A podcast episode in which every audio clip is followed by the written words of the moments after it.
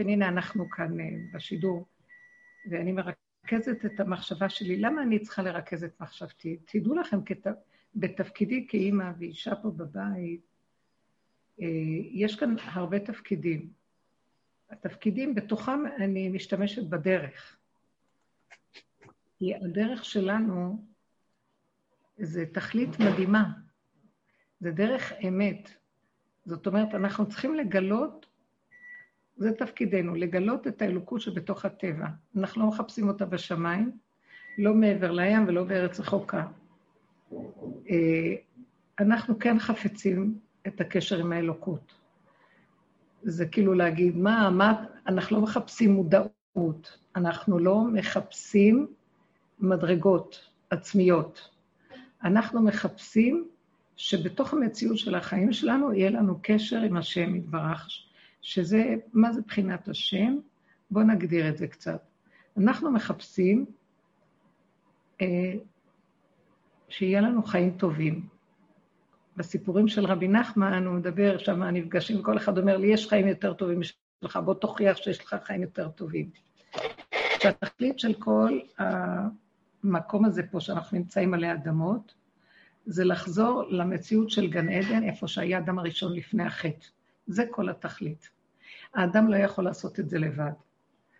איך אנחנו יכולים לעשות את זה? עלו לשמיים, עשו הרבה, מה זה לשמיים? לתודעות, למודעויות, לחוכמות, לחקירות, עבודת התורה, עבודת הבירורים, סור מרע עשה טוב, אה, בתוך העולם, אה, אה, הרבה סוגי עבודה. מה השונה בעבודה שלנו מכל העבודות שעשו בכל הדורות? כל הדורות, התפקיד היה, היה, לא תפקיד, אבל בוא נגיד, האדם מחפש את הבורא בשמיים, ברוחניות. המחשבה שלו שהוא נמצא גבוה שם, שהוא נמצא ברום, רם השם על כל גויים. אה, מתן תורה נתן בהירות גדולה מאוד לכל מי שהיה במעמד הזה, הקדוש הזה, שבעצם השם שוכן איתנו והוא נמצא בתוכנו. אבל הוא לא יכול להתגלות בלי תנאים מוקדמים. לכן כולם מחפשים אותו בשמיים ומחפשים מדרגות בשמיים, כי הם יודעים שבכדור הוא לא יכול להתגלות בלי תנאים מוקדמים. ומאוד קשה להשיג את התנאים המוקדמים שנדרש. שהאדם, על ידי עבודה מאוד מאוד גדולה של סיגופים, איסורים, כאבים, אז אנשים מעדיפים לעלות לשמיים, ולכוונה לדמיון של, ה, של האלוקות, ולהרגיש טוב עם עצמם. אז הם מחפשים את התדמית החיובית, התדמית האלוקית, את ההרגשה שהם קרובים אבל זה עדיין דמיון. העבודה שלנו, בוא נגיד, גם תורת משה מחפשת אותו, אבל היא אומרת, הוא נמצא בתוך התורה והמצוות בעולם. אז תקיימו את התורה ואת המצוות ותתחברו דרכה. אבל האמת שמאוד מאוד קשה להתחבר לתורה ולמצוות בצורה מושלמת. כי התוואים של האדם קשים ומאוד מאוד סותרים, יש לו אינטרסים, מאוד קשה לו לוותר על היסודות הפנימיים שלו שמפריעים לו לקיים את התורה ברמה אה, מאוד אדוקה, מדוקדקת, נקייה. אז הוא מקיים, אבל בצורה חסרה. והרבה פעמים כל הקיום הוא גם נופל וקם ויש לו כאבים וייסורים ותלאות בחיים, כמו שאנחנו רואים על כולנו, עם כל זאת שיש לנו תורה. אולי, בוא נגיד, אנשים שיש להם תורה יותר מנופים, הם יותר נקיים. יש להם בכל אופן איזו מערכת ששומרת עליהם, אבל קשר חווייתי עם האלוקות זה רחוק. יש לנו תחושה של נבדלות, ויש תחושה של ניקיון יותר ממה שקורה בעולם, אבל עדיין, כשיש מצוקות, חולאים, אנחנו צריכים להזדקק לרופאים ולהזדקק לאנשי מקצוע וכל הדברים האלה. וכשיש גילוי שכינה בכדור, אז הדבר הזה ייראה אחרת. לא שלא יהיו רופאים ולא שלא יהיו, אבל הרופאים יהיו רק אמצעי של השכינה. הם לא יהיו בפני עצמם מציאות. אני לא אצטרך להגיד להם תודה ברמה של כל אה, ה... כל מבטחי אני שם על אם הוא מקצועי הרופא, אם הוא אה, יש גבוה, אם הוא יודע, וכן הלאה וכן הלאה. אני גם יכול להשתמש עם רופא פשוט, ואני אדע שדרכו יכולה להיות רפואה גדולה, גם לא יהיה חשוב אפילו רופא. ויתקיים בנו מי שאמר לה, שמן שידלוק, יגיד לה חומץ וידלוק. אז אנשים שהלכים על רמות מאוד גבוהות, יכולים להגיע גם למין דמיון כל כך גבוה, ויתקיים בהם שהם רוחניים והם טהורים ונקיים, והם כמו מלאכים. אבל התכלית של בריאת העולם לא מתקיימת עדיין.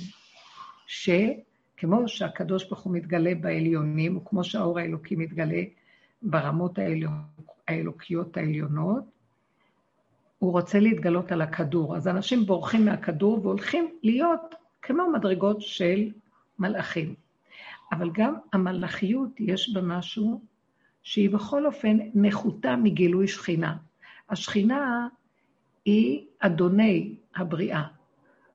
גם המלאכים, וכל מדרגות המלאכים, היא האדונים שלה. וכשהיא תרד לכדור הארץ, המלאכים לא יהיו חשובים. האדם יהיה מדרגה יותר חשובה מהמלאך, כי היא דרה איתנו בתוך העולם.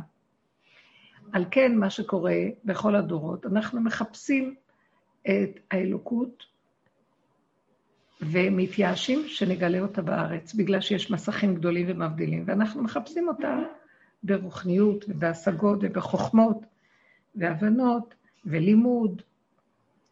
וגם שם יש כמובן הרבה מדרגות על מנת איכשהו שיהיה לנו איזה קשר עם הדרגה הרוחנית הגבוהה כמדרגת המלאכים וכן הלאה. מה שאנחנו עושים בעבודה שלנו זה משהו אחר.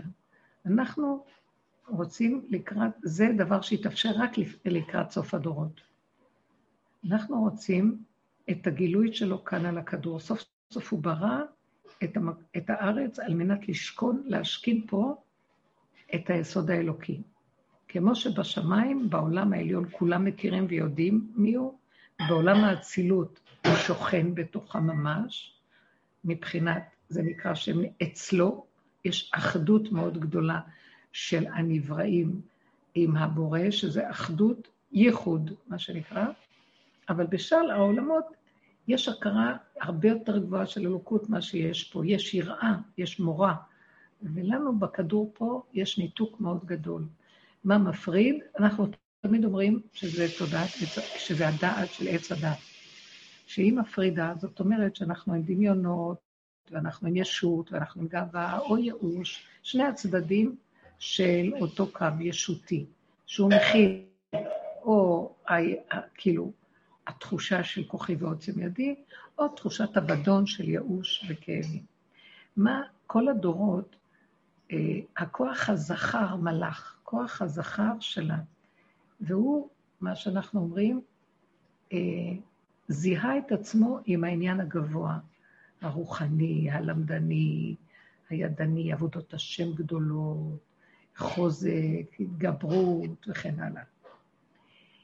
הארץ יש בה את היסוד של הנקבה. זה הבחינה של שמיים, מה שנקרא. כל הדורות עבדו כאילו אנחנו מחפשים את השמיים. לכן אנחנו אומרים, בסייעתא דשמיא, דיני שמיים, מורא שמיים עליכם, שמיים.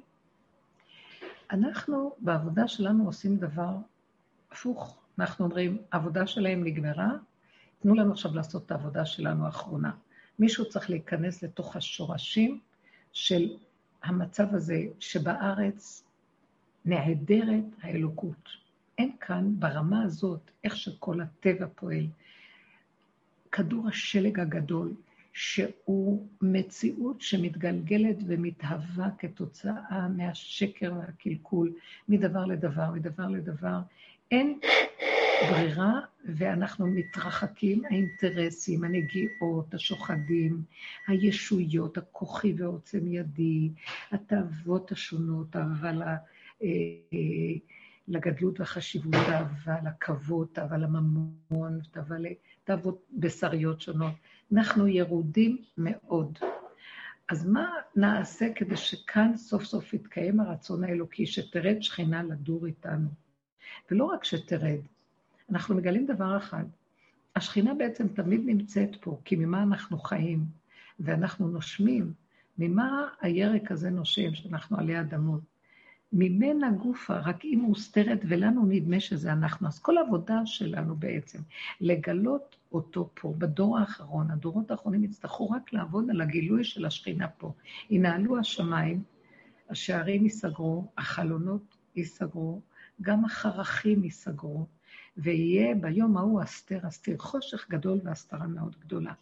כל זה על מנת שנהיה חייבים להוריד את התודעה למטה, לתוך המצב של העולם ממש, לתוך התוהו ובוהו של הבשר, אה, לרדת מהתודעה של עץ הדעת, חייבים להשתלשל לתוך המצב הפנימי, ממש אה, בחושך היותר גדול, שאין בו את הדעת הרגילה, אין בו את הרגשים הרגילים, הרגילים שאנחנו מספרים לעצמנו סיפורים של דמיונות, של זכלים ורוחניות וידיעות והבנות. ייסגרו כל המדרגות הגבוהות שהיו, הם לא שהם ייסגרו, הם יעלו לשורשיהם ויישאר הגולם הפשוט של האדם. פחות שכל, פחות דעת, הרגש יתגלה כחולי נפש.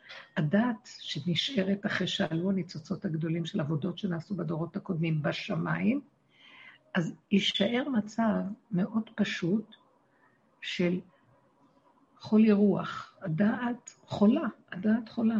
אנשים לומדים, לומדים, לומדים, לומדים, לומדים, ודרך הלימוד שלהם הם מסתבכים וחושבים שהם השיגו משהו ויש להם משהו, ומרוב שהם יודעים, הם כבר לא יודעים כלום. אבל מאוד קשה להם להודות בזה, אז הם משחקים אותם משחקים של ידע.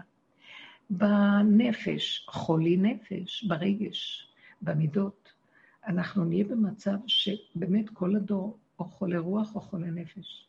אמת, אני אגיד לכם, כמעט אף אחד לא יעשה דבר שאין בו אינטרס או ללמוד או להעביר איזה משהו כדי שהוא יהיה לו משהו מעצמו.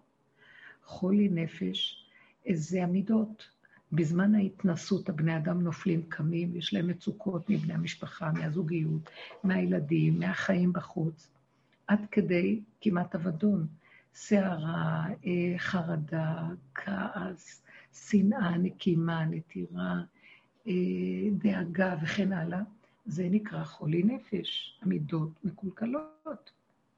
וגם בגוף, חולי גוף, חולי גוף מאוד גדולים, מחלות גדולות. מחלות של אה, חלילה מחלה נוראית, אה, מחלות אה, של איברים גדולים, יש שתיל, השתלת איברים, הגוף נרקב, יש מחלות של ניוון, כלומר הגוף, יכולת הגוף לחיות מזדקנת, אנחנו בדור של ירידה, ירידת הדורות, ירידת הכוחות, ירידת המוח, ירידת הרגש, ירידת הגוף, ואנחנו במצב של חולי. עכשיו, מה יעשה האדם הזה? לברוח כמו הדורות הקודמים לשמיים, נסגרו השמיים, כבר עשו את העבודות שם ועלו הכוחות העליונים, ונשאר גולם כזה, שהוא מורכב מה שאומרת לכם, שלושה מצבי חולי, חולי רוח, חולי נפש, חולי גוף. אז מה נשאר לאדם לעשות? הדבר הכי נורא שיש כאן בכדור, התודעה שאנחנו חיים בה, היא מכסה את זה ולא נותנת לנו לראות את זה. היא חושבת שאנחנו בסדר. היא אומרת, לא, אתם בסדר גמור, אתם, מה זה חכמים? אתם ידענים, אתם קדוש, אתם מאוד יצירתיים, אתם מאוד, וגם בגוף, אתם בסדר גמור. תאכלו, תראו אוכל טוב, תראו. יש מה שנקרא אה, אה, אה, הונאה עצמית. אה, התכסות. אה, יש מילה שרציתי להגיד, היא נעלמה לי. יש משהו, בן אדם משקר לעצמו וחושב שהוא יושב לו בטוב. תודעת עץ הדעת מפחדת מהגילוי האמיתי, כי זה הסוף שלה, אז כולם ירצו לברוח ממנה ויגידו, אנחנו לא רוצים להיות יותר במצב הזה. אז מה אנחנו צריכים לעשות? באה הדרך שלנו, שלקראת הסוף זה הדרך. זה הדרך. מהי הדרך? להודות באמת, לקבל כוח להשתלשל למצב הזה ולרדת למטה, למטה, למטה, למטה, ולהודות באמת כמה אנחנו מדומיינים, חולים בדמיון, חולים ברוח. אה, אנחנו יכולים לדעת דברים, אפשר לדעת. הדעה שלנו לעומת ידיעות של דורות קודמים, היא לא ממש מגרדת את השטח. איזה חכמים גדולים הם היו. אז עכשיו אנחנו יודעים, מין סוג אינפורמ... אינפורמטיבי כזה, מין ידע של רמה אינפורמטיבית. אה, ברמה של הרגש, אנחנו רגישים ברמות שבלתי, אי אפשר להגיד לבן אדם משהו, לילד, או לב... הוא נורא נעלב, מאוד כאוב, מאוד שבור, כי הוא מאוד, הוא מאוד אה, רגיש, זאת המילה, הוא רגיש. הרגישות הזאת, נקרא לה במילים אחרות חולי נפש. אומרים לאדם מילה, הוא נשבר. אז לכן אנחנו צריכים מאוד לתת לו כבוד, אנחנו צריכים לרומם אותו ולהגיד אתה משהו, ולתת לו חיזוק, מה שנקרא חיזוקים. וזה ההתכסות והשקר וההונאה העצמית. כי אם לא, הוא נעלם ונשבר, אז למה שלא נטפח לו את הדמיונות העצמיים שלו? כי אחרת הוא יישבר לנו, מה נעשה לו? אז אנחנו צריכים להיות, הדרך הזאת הולכת בכיוון הפוך. היא אומרת, לא, לא בורחים מהנקודה, רק מודים בה, מסתכלים, שמים פנס, מודים בה ומשתלשלים כמה שיותר לעומק. אבל זה מאוד קשה לעשות את זה, זה שובר את הבן אדם. אז אנחנו מקבלים בדרך הזאת כלים איך לא להישבר. איך לטפח את ההכרה שהאמת היא דבר כל כך גבוה ויפה, ששווה לי אה, לעמוד לידו, אפילו שאנחנו מפרקים את הקליפה מעצמנו, את המעטה, ויש כאב כי הוא, הוא דבוק לבשרנו, אבל בכל אופן, מי שעושה את העבודה הזאת, שכינה נמצאת איתו.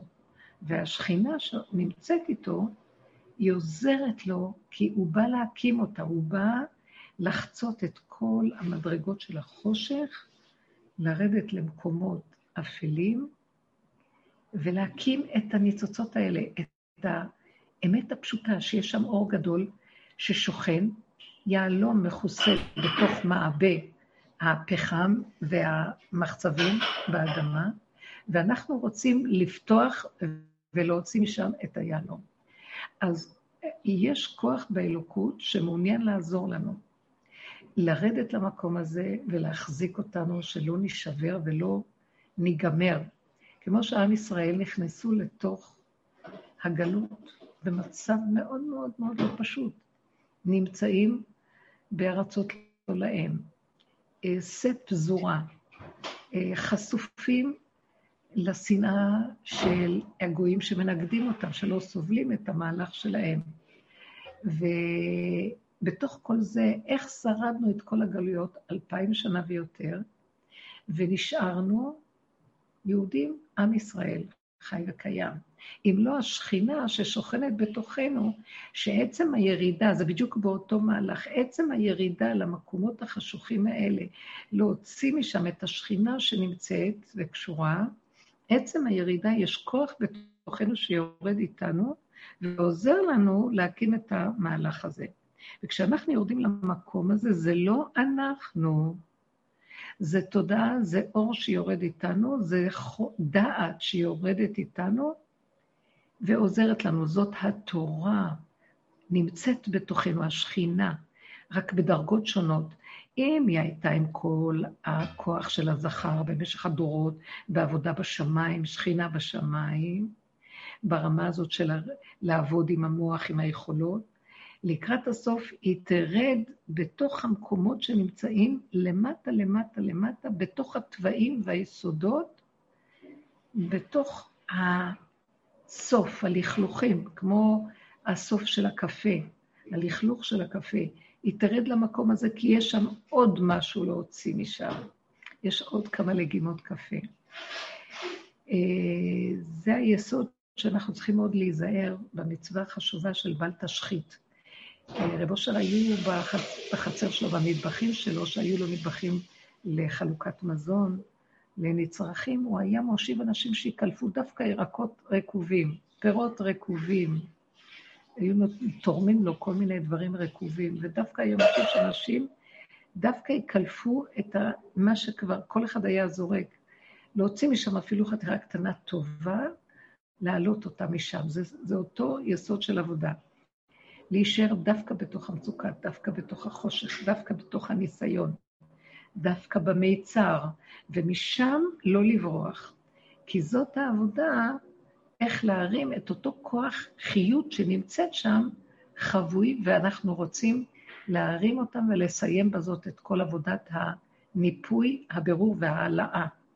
שנוכל לגלות את אותו כוח ששוכן שם, וממנו יש אור גדול, שהגאולה השלמה לא יכולה להיות עד שלא יקומו הניצוצות האלה. לא יידח ממנו נידח. ושם למטה, במקום הזה, פלא פלאים, אין אצל הבורא למטה למעלה. ברגע שהעלינו, אז מצטרף הכל. העליונים והתחתונים מתחברים והאור הגנוז מתגלה. אז נמצא שהעבודה שלקראת הסוף היא שונה, וזה כוח דווקא שנמצא בכוח של הנוקבה, ויהיו נשמות גם של זכרים בתוך גוף של זכר, שיש להם את הנשמות של הנוקבה, ויש נשמות של זכר בתוך גופים של נוקבה, כדי לעזור לעשות את העבודה הזאת, כדי שאפשר יהיה לסיים את מהלך הגלות. נמצא בעצם שהתודעה שיש כאן בכדור, שממנה כולם ברחו כדי אה, לנסות להשיג אלוקות, לא הצליחו להימלט ממנה, גם אלה שעלו למעלה מלבד בודדים בודדים, אולי משה רבנו שהייתה לו סוג של נשמה מלכתחילה, שהיא שייכת ליסוד ההוויה העליונה, זכר, זעיר אנפין, מה שנקרא. אבל רוב האנשים, למה שהם ברחו, רוב הצדיקים, ברחו לדמיון ההוויה, לא להוויה ממש. לא יכלו להשיג, כי לא יכול להשיג גילוי הוויה ממש רק על ידי שמפרקים את תודעת עץ הדת לחלוטין מהקטע שלה למטה, מחיית עמלק, כמו שעשתה אסתר בבית אחשורוש, ונתגלתה ישועה גדולה ונמחה עמלק.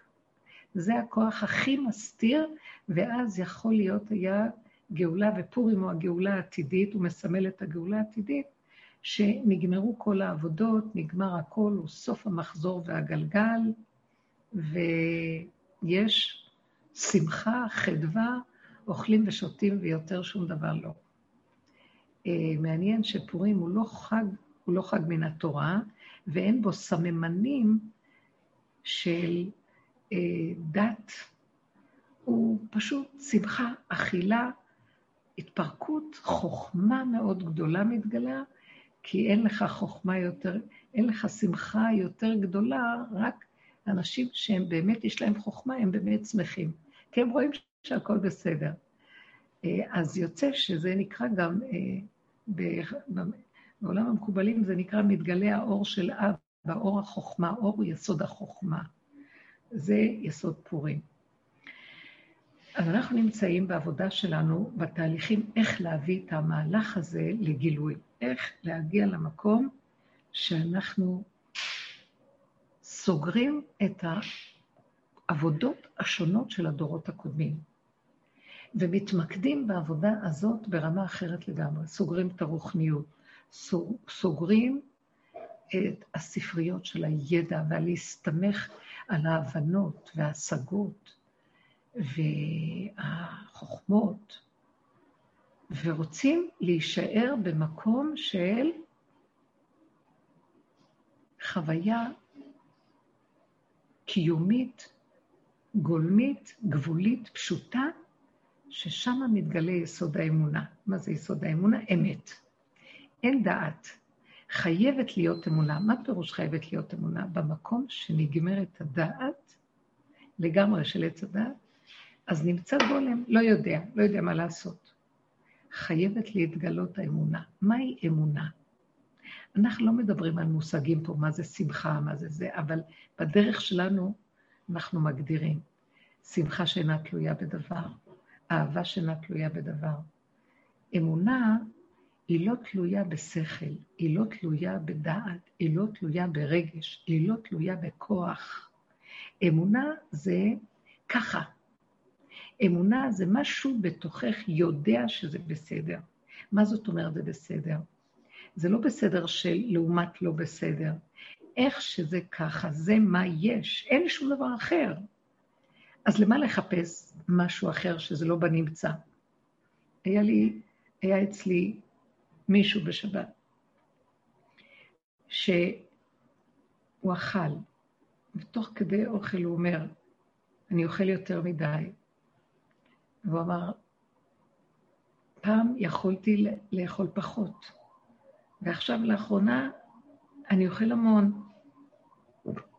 וראיתי שהוא נהיה בעיניים שלו קצת מין עצבות כזאת, שהוא אוכל הרבה. הוא מבקר את עצמו.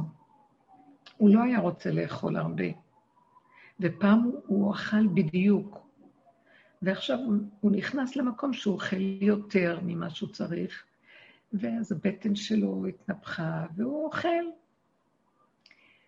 וראיתי אותו קצת בעיניים, מין כמו עצבות קטנה. אה, מין נפילה. אז הסתכלתי עליו ואמרתי לו, למה אתה מבקר את עצמך? קודם כל, זה שבת היום. שבת זה יסוד האמונה. שבת, לא שנתתי לו הרצאה על שבת, אבל אמרתי לו, בוא תראה מה זה יסוד של שבת בכל רגע, בכל יום. בוא נשים את עצמנו במקום הזה. איך שזה ככה, הכל טוב. למה אתה מבקר את עצמך? למה אתה מכניס עצבות למחשבה שלך, וזה לא, זה תודעה של שבת שאסור להתעצב. אבל כל יום אנחנו במקום הזה, וזה נקרא אמונה. אכלתי, אמרתי לו, תחבק את הבטן, תאהב אותה במחשבה, תטפח אותה, תגיד, וואי, זה טעים, זה טוב, אני לא יכול אחרת, אני אוהב את זה, זה טעים לי עכשיו, אז אני אוכל. סיסו בני מאי, תהנו, תהנה, אמרתי לו, תהנה, תשמח. המחשבה שעכשיו רוצה לדכות אותך, היא המחשבה שאתה תגרום לך שתרצה עוד לאכול. כי אתה עצוב יותר, ואז אתה מפייס את העצבות על ידי עוד אכילה. ואז אתה נופל מדבר לדבר. תישאר באמונה. מה זה אמונה? אמרתי לו. אמונה זה לא שכל. אתה אוכל, אל תיתן למוח להיכנס שם, המוח משקר. הוא אומר, זה נתון. המוח שלך משכנע אותך שאתה עכשיו לא במצב טוב כי אתה אוכל יותר. יש רגע אחד, בא לך מחשבה, אתה אוכל יותר מדי. זה גם יכול להיות. אז באותו רגע שבאה המחשבה הזאת, שים אותה בתוך הבטן ותגיד, המחשבה מאוד טובה. אם השם שלח לי את המחשבה הזאת, שהוא ייכנס למעיים ויסדר את זה, קח את המחשבה, תוריד אותה למעיים. זאת אומרת, אל תלך לעבוד על עצמך, אל תיתן למחשבה להיכנס לעץ הדעת רע. עץ הדעת טוב, עץ הדעת רע. ביקורת, שופטנות, אה, פרשנות, משמעות, נהיה לי עצוב. ואתה יוצא, ואז עץ הדת שולט בנו, ועץ הדת שולט בנו, אז זה באמת נהיה לי ייאוש קטן מעצמי, שבת, בכל יום. אמרתי לו, עזוב, תהנה, תאכל, תשתה, תשמח. בא לך מחשבה נכונה, תכניס אותה לתוך המעיים. תכניס אותה לתוך המעיים, ותגיד לה, השם, אתה שלחת לי את המחשבה, בבקשה תעזור לי להפסיק. ואני, זה מה שאני, איך שזה ככה, הכל בסדר, תעזור לי. לא שתעזור לי, תעזור לעצמך דרכי. אסור להכניס את המוח, מה שאנחנו עושים, אני, במוח זה אני עוד קיימת. אני עוד יכולה. ויש ספרייה של טוב יש רע, ואני חייב להתאפק. זה מאוד נכון, זאת עבודה טובה. אבל הגענו למקום, בתהליכים של המתקדמים שלה למטה, שהדור נכנס שם, כבר אין לנו כוח אפילו לעשות עבודות, המודעות, המודעויות נופלות. כל השיטות של NLP וכל, אני אפילו לא יודעת מה זה, זה סוג של מין עבודות זרות. למה? כי הן באות מחלל התודעה של עץ הדת, שמחכה מודעות, מחכה רוחניות, מחכה הבנה והשגה, מחכה אמונה. אין אמונה במוח. אין אמת במוח של עץ הדעת. אין בתודעה שלנו אמת. אין, אין. יש אולי שכל שמבין מה זה לפי השכל אמת, אבל ברגע של ניסיון אונליין אמיתי, נעלם כל השכל הזה והאמת שלו, והבן אדם תקוע. הנה, הוא יודע שזה לא טוב לאכול יותר מדי. הוא יודע מה כדאי לו, מה לא. הוא יודע שכל מיני דברים. אבל כשמגיע הסעודה ויש מטעמים מעדנים על השולחן, הוא אוכל, הוא נהנה מהאוכל. ומשהו בתוכו אומר, מה עשית? הלוא אתה ידעת בספרייה שהיה לך לאכול חצי מהכמות, אכלת יותר מחצי, אכלת עוד מנה, וגם, עכשיו ברוב ייאוש הוא לוקח גם את המנה השלישית גם. זאת אומרת, את המנה השלישית הוא לוקח שלוש פעמים. ואני מסתכלת ואני אומרת, אני אותו דבר, מה אני יכולה לעשות? כמה עבדנו על זה ולא זה? כלום. ולא בשביל להשמין, לא להשמין, אנחנו רוצים להיות יכולים אה, שמה שנגיד יהיה, ונתגבר על עצמנו ונהיה במדרגת האדם. העבודה לקראת הסוף תהיה אחרת לגמרי. נחייב לרוקן את המוח הזה. הוא שקרן, הוא רמאי, הוא נופל לנו, מחלה אותנו, מכה אותנו, והוא מכניס אותנו לייאוש, כי זה מטרתו. זה כמו שמישהי אמרה לי היום, כלתי אמרה לי דבר יפה. היא אמרת לי, אני, אני היה מטרנה, ואמרתי לה, זה מטרנה, איזה סוג זה? אז היא אמרת לי, זה סוג אחד וחצי, שתיים כזה, שתיים. אמרתי לה, והוא כבר גדול, ומתאים לו סוג שלוש. אני לא מבינה בזה, אבל אני רואה את ההקלות האחרות מביאות. אז היא אמרה לי, כן, אבל את יודעת משהו? בסוג שלוש הם שמים המון סוכר, כדי שהילד כל כך יאהב את זה ויהיה, מה שנקרא, מכור לסוכר, הוא יותר גדול, יותר, הטעמים יותר חשובים, ואז הוא ירצה עוד ועוד ועוד ועוד מטרנה, ויהיה קשה להפסיק אותו מזה. אז אני הולכת למטרנה מספר 2, למרות שהיא אה, כאילו יותר לילדים קטנים, לתינוקות קטנים יותר, אבל יש לה פחות סוכר. ואז אמרתי, תראו, המוח הזה יעשה הכל כדי להרוויח עוד כסף ולסכן את האנשים וליצור להם את ההתמכרויות, ומה אכפת לו אם זה יזיק, לא יזיק כלום. העיקר, ימכרו את המוצר והמוצר יתקבל, וכן הלאה וכן הלאה. הכל כאן בנוי על אינטרסים, אין אמון בכלום. אני לא באה, אני לא באה לכעוס אפילו. ככה הכדור הזה, ככה כולנו תחת השפעת התודעה הזאת. כשחוקרים את זה ומתבוננים, ורגע, רגע, רגע, רגע, אין לך רגע שאין בו איזה אינטרס. מה שאנחנו עושים, אנחנו שמים עליו את האצבע, מודים באמת, עוברים את המחיצה של השיוורון, מה אני כזה גרוע, מסכימים, מכניעים ראש, ומפעם לפעם מגיעים לגולמיות הפשוטה של להודות באמת. כן, אני כזה. התודעה הזאת כאן, זה מה שהיא עושה לנו. ואני לא רוצה להאמין לה, אז אל תאמין לה עכשיו שהיא עושה לך עצבות בגלל שאתה לא אוכל נכון, ותודה שאתה לא יכול.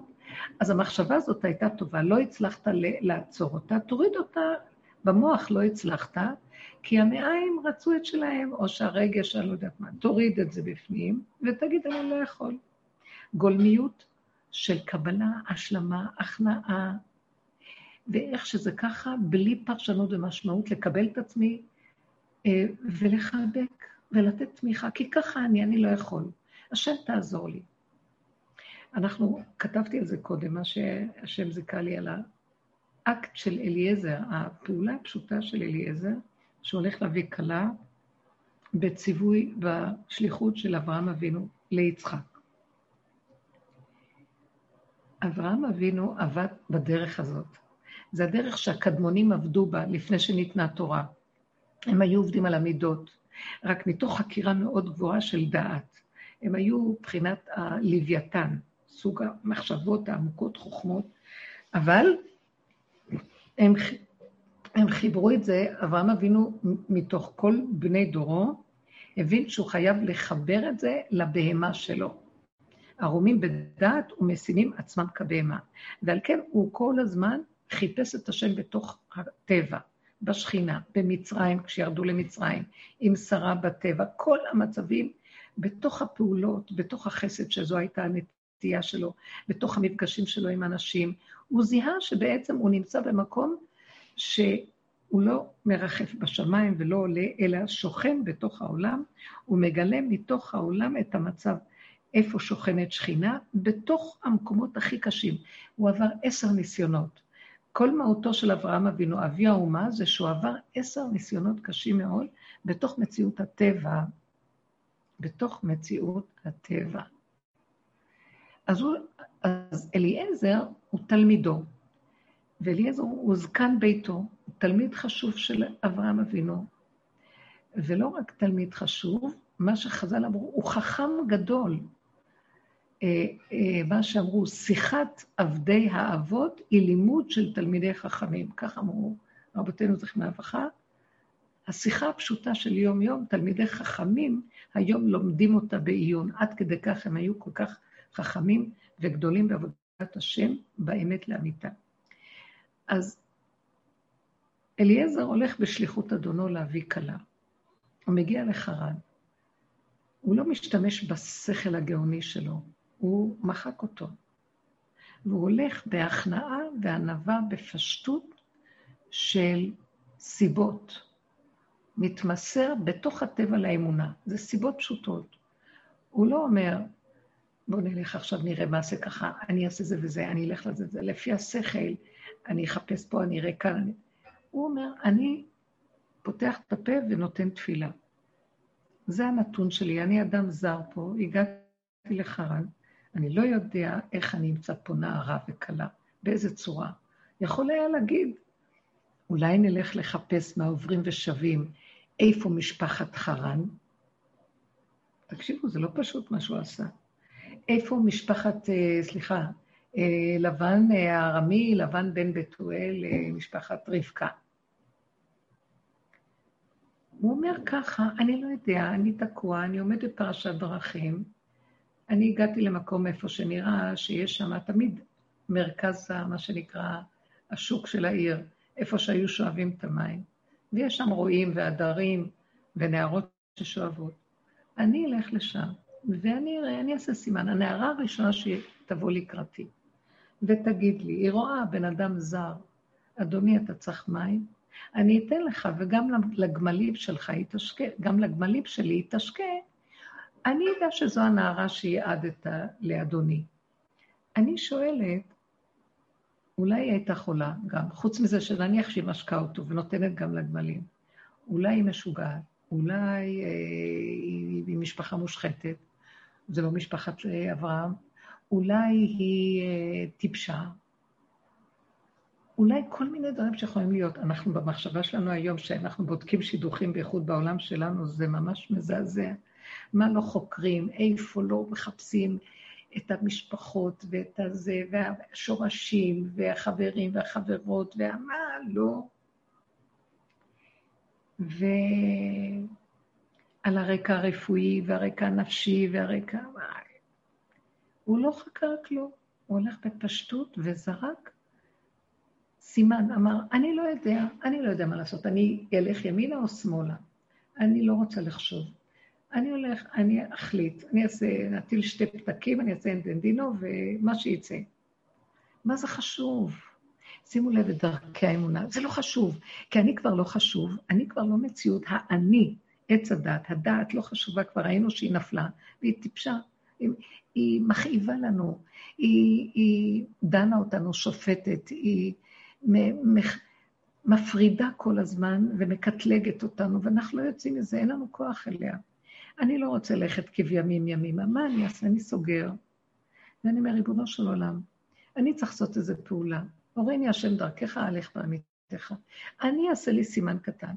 אם אני עושה משהו קטן, אם הדבר הזה ילך, אז כנראה משם תבוא, יבוא פתח. תהיה איתי ואל תעזוב אותי.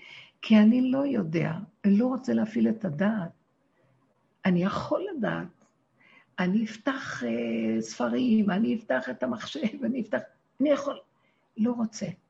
אני נשאר בצמצום הקטן, שימו לב, זו המטרה להגיע למקום ששם נמצא כוח אלוקי, שבתוכנו שוכן, ואנחנו מכריחים אותו להתגלות. אני לא יודע מה. ואז הוא אומר, עכשיו, זה יכול להיות שיהיה כאן משהו לא טוב, תבוא משהו שאולי תענה על תנאי אחד או שתיים, אבל יהיו דברים אחרים לא טובים. אני לא יודע. אני מבקש ממך, אני זורק נקודה קטנה, ואתה, השם, תברך, וברכתיך בכל אשר תעשה. תברך אותי, תברך את הפעולה שלי, תברך את התמימות של מחשבתי, כי מה אתה רוצה ממני? אני יכול למצוא לבן אדם כלה, אני יכול... אם, אם השם לא ישמור עיר, שב שקד שומר. אם השם לא ישמור בית, שב עמלו בוניו, עמלו בוניו בו. סתם. למה לי לשים את ראשי במציאות שהיא דמיונית, שקרית ובכאילו? אני יכול להשיג איזה שכל נאור, ויכול להיות שבשכל שלי תהיה לי סייעתא דשמיא. אבל אני לא מגלה אותך בתוך מציאות העולם. זה סייעתא דשמיא, נפתח איזה חרך, חלון ברקיע. נפתח איזה שעה, וואו. אבל זה לא מה שאתה רוצה בעבודה הסופית בכדור הארץ. לא רוצים שערים שחוזרים ונסגרים, לא רוצים חלונות שחוזרים ונסגרים, ולא רוצים חרכים, מציץ מן החרכים. רצוננו לראות את מלכנו בפשטות בטבע, שאדם אוכל ושותה, וחי ושמח וטוב לו, והוא מרגיש בטוח, והוא עטוף ומוגן, כמו תינוק שלא יודע שום דבר כגמול על אימו, כגמול על האנושי. אנחנו רוצים להגיע למקום הזה. סוף סוף האנושות הזאת משוגעת, התפתחה יותר מדי, התרחבה ומשתגעת על השכל שלה, עפה על עצמה ועושה שטויות, והכל היום נמצא במצב של כאוס מאוד גדול. מי שמתבונן ומי שרואה את זה עוד מקודם, ראינו את זה ודיברנו על זה הרבה, ופתאום זה מתחיל להתגמש, להתגבש ולהתממש על הכדור. יש בלבול מאוד גדול בכדור. העולם מתחיל להתגלות במערומיו, תודעת עץ הדת. כשאני אומרת עולם, זה לא עולם הבריאה, השמש, העצים, אלא מה שאופף הפסיכולוגיה והמחשבה ותודעת החשיבה של הבני אדם בכדור מתגלה. מה אנחנו רואים? אנחנו רואים חוכה ואטלולה. הכל בלגן. זה כאילו עובד. שום דבר לא ברור. שקר. אני יכולה לתת מיליון דוגמאות, זה לא עכשיו. הממסד אה, מסואב, מסועף, אה, קשה, מסובך. הבן אדם כבר לא יכול, אין לו, לא יודע מה לעשות. הקיום הכי פשוט מסתבך. אדם שם כסף שלו בבנק, במקום שהבנק יחזר אחריו, ככלות הכל הבנק צריך את הכסף שלו, הוא עושה מזה רווחים, הוא צריך לתת לו כבוד. הוא הקרן שלו. האדם הוא הקרן של הבנק. הוא הופך להיות לאיזה אה, קרן זווית בלתי חשובה, שהוא מאוס אפילו. הוא מתקשר, עונה לו מתקליט לתקליט לתקליט. הוא רוצה לדעת מה עם הכסף שלו, אומרים לו, היום לא, מחר לא, מחרתיים לא, בעוד חודש ייפתח, אז נוכל להגיד לך. אז הוא אומר, לא, אבל אני רוצה להוציא ככה, אומרים, לא, אתה לא יכול להוציא מה שאתה רוצה. סליחה, זה הכסף שלי, אני רוצה להוציא מה שאני רוצה. זה לא כסף שלכם, לא לקחתי מכם, זה שלי, אני לא יכול להוציא מהכסף שלי. לא, אתה לא יכול, אתה לא יכול לבוא ביום זה, אתה לא יכול זה. הכסף שלך שבוי אצלנו, ואנחנו מחליטים לך. איזה פעם היה מצחיק לחשוב על הדבר הזה, היום זה כבר נראה דבר שהוא מציאות, נכון? והאזרח אומר, נכון, ככה היה במצרים. עם ישראל היו בגושן, שבטי ישראל עוד לא היו עם ישראל. היו בגושן, זה היה איזה חלק במצרים, ששם ישבו היהודים. והם היו נאורים, והיה להם שם בתי מדרשות ותלמוד ותורה לילדים. למדו מה שלמדו ב... בשם ועבר, למדו מה שלמדו, הם לימדו, לא הייתה תורה עוד.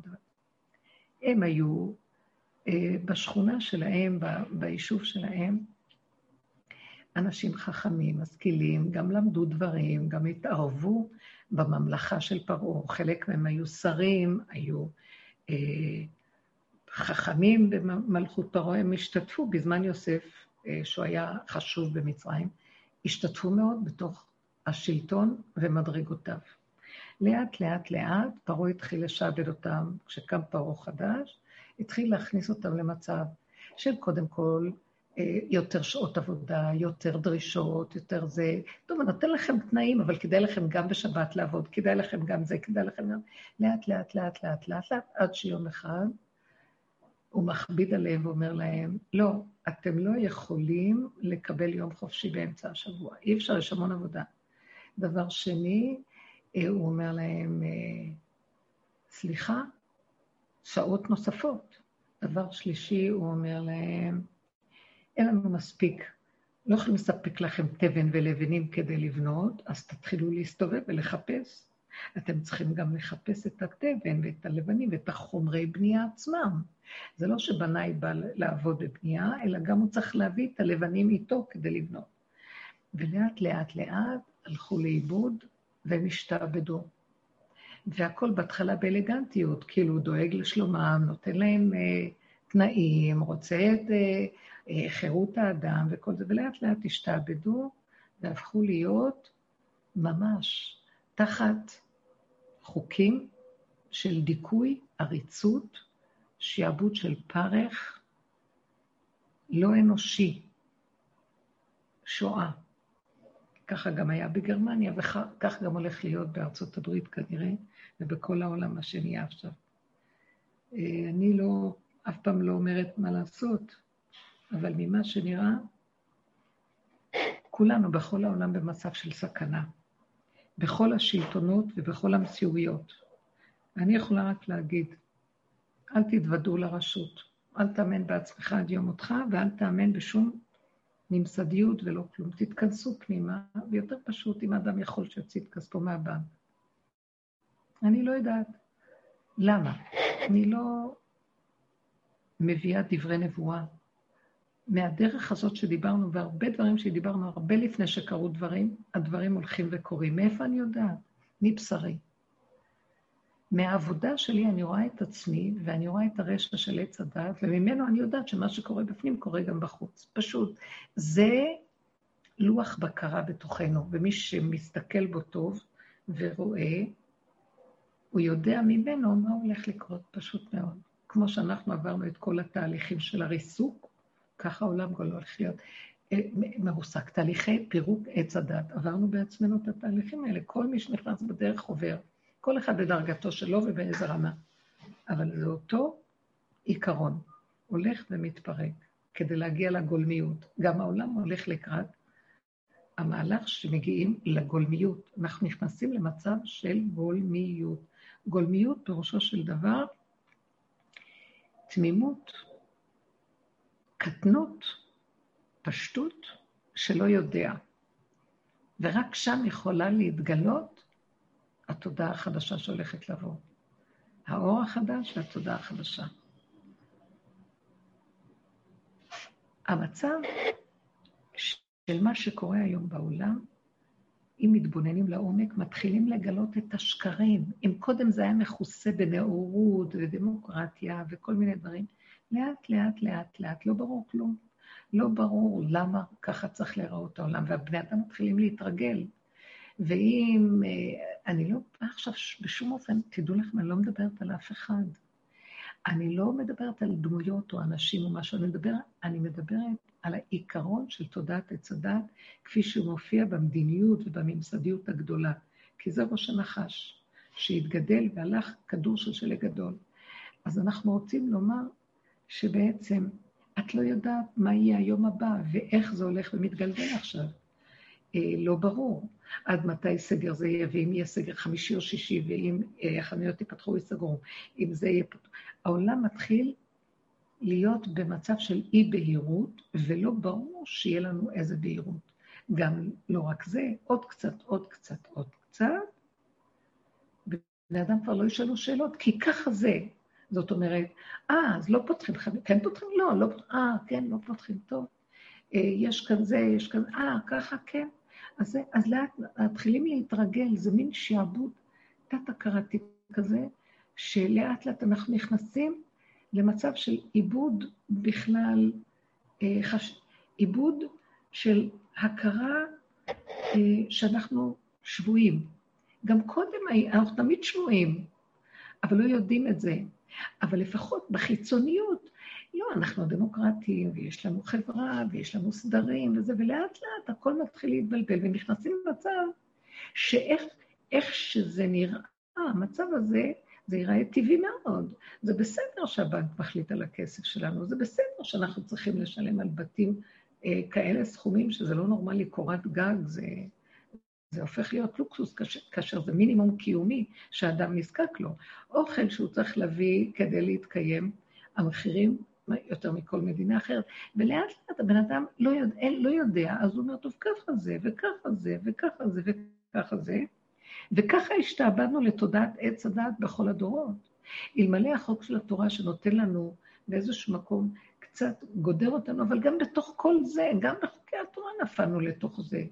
כי בתוך המידות אנחנו לא מדייקים, לא ירדנו לדרגה הפנימית, כמו שאמרתי בהתחלה, תורת הזכר.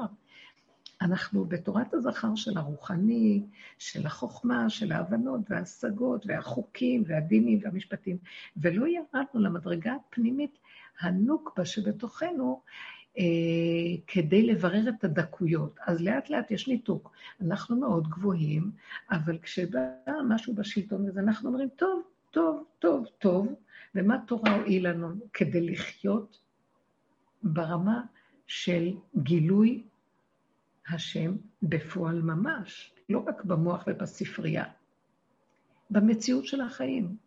כי אנחנו שבויים עם החלק העליון, כאילו החלק העליון הוא בעצם מטעה אותנו, אנחנו צדיקים, אנחנו, יש לנו גבול, אנחנו...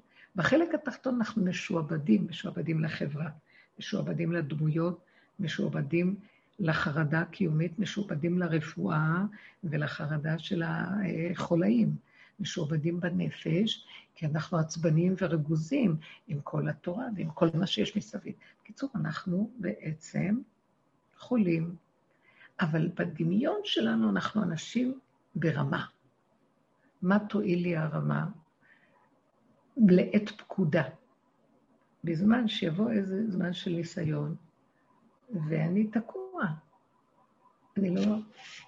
למה אני, אני רוצה, זה מוזר, אני רוצה לקנות משהו, ואני צריך עכשיו להתחשב, כי אני לא יכול בעצם להוציא את מה שאני צריך. האדם יגיד לעצמו, זה סתם אני אתן דוגמה, אני לא קשורה עם זה.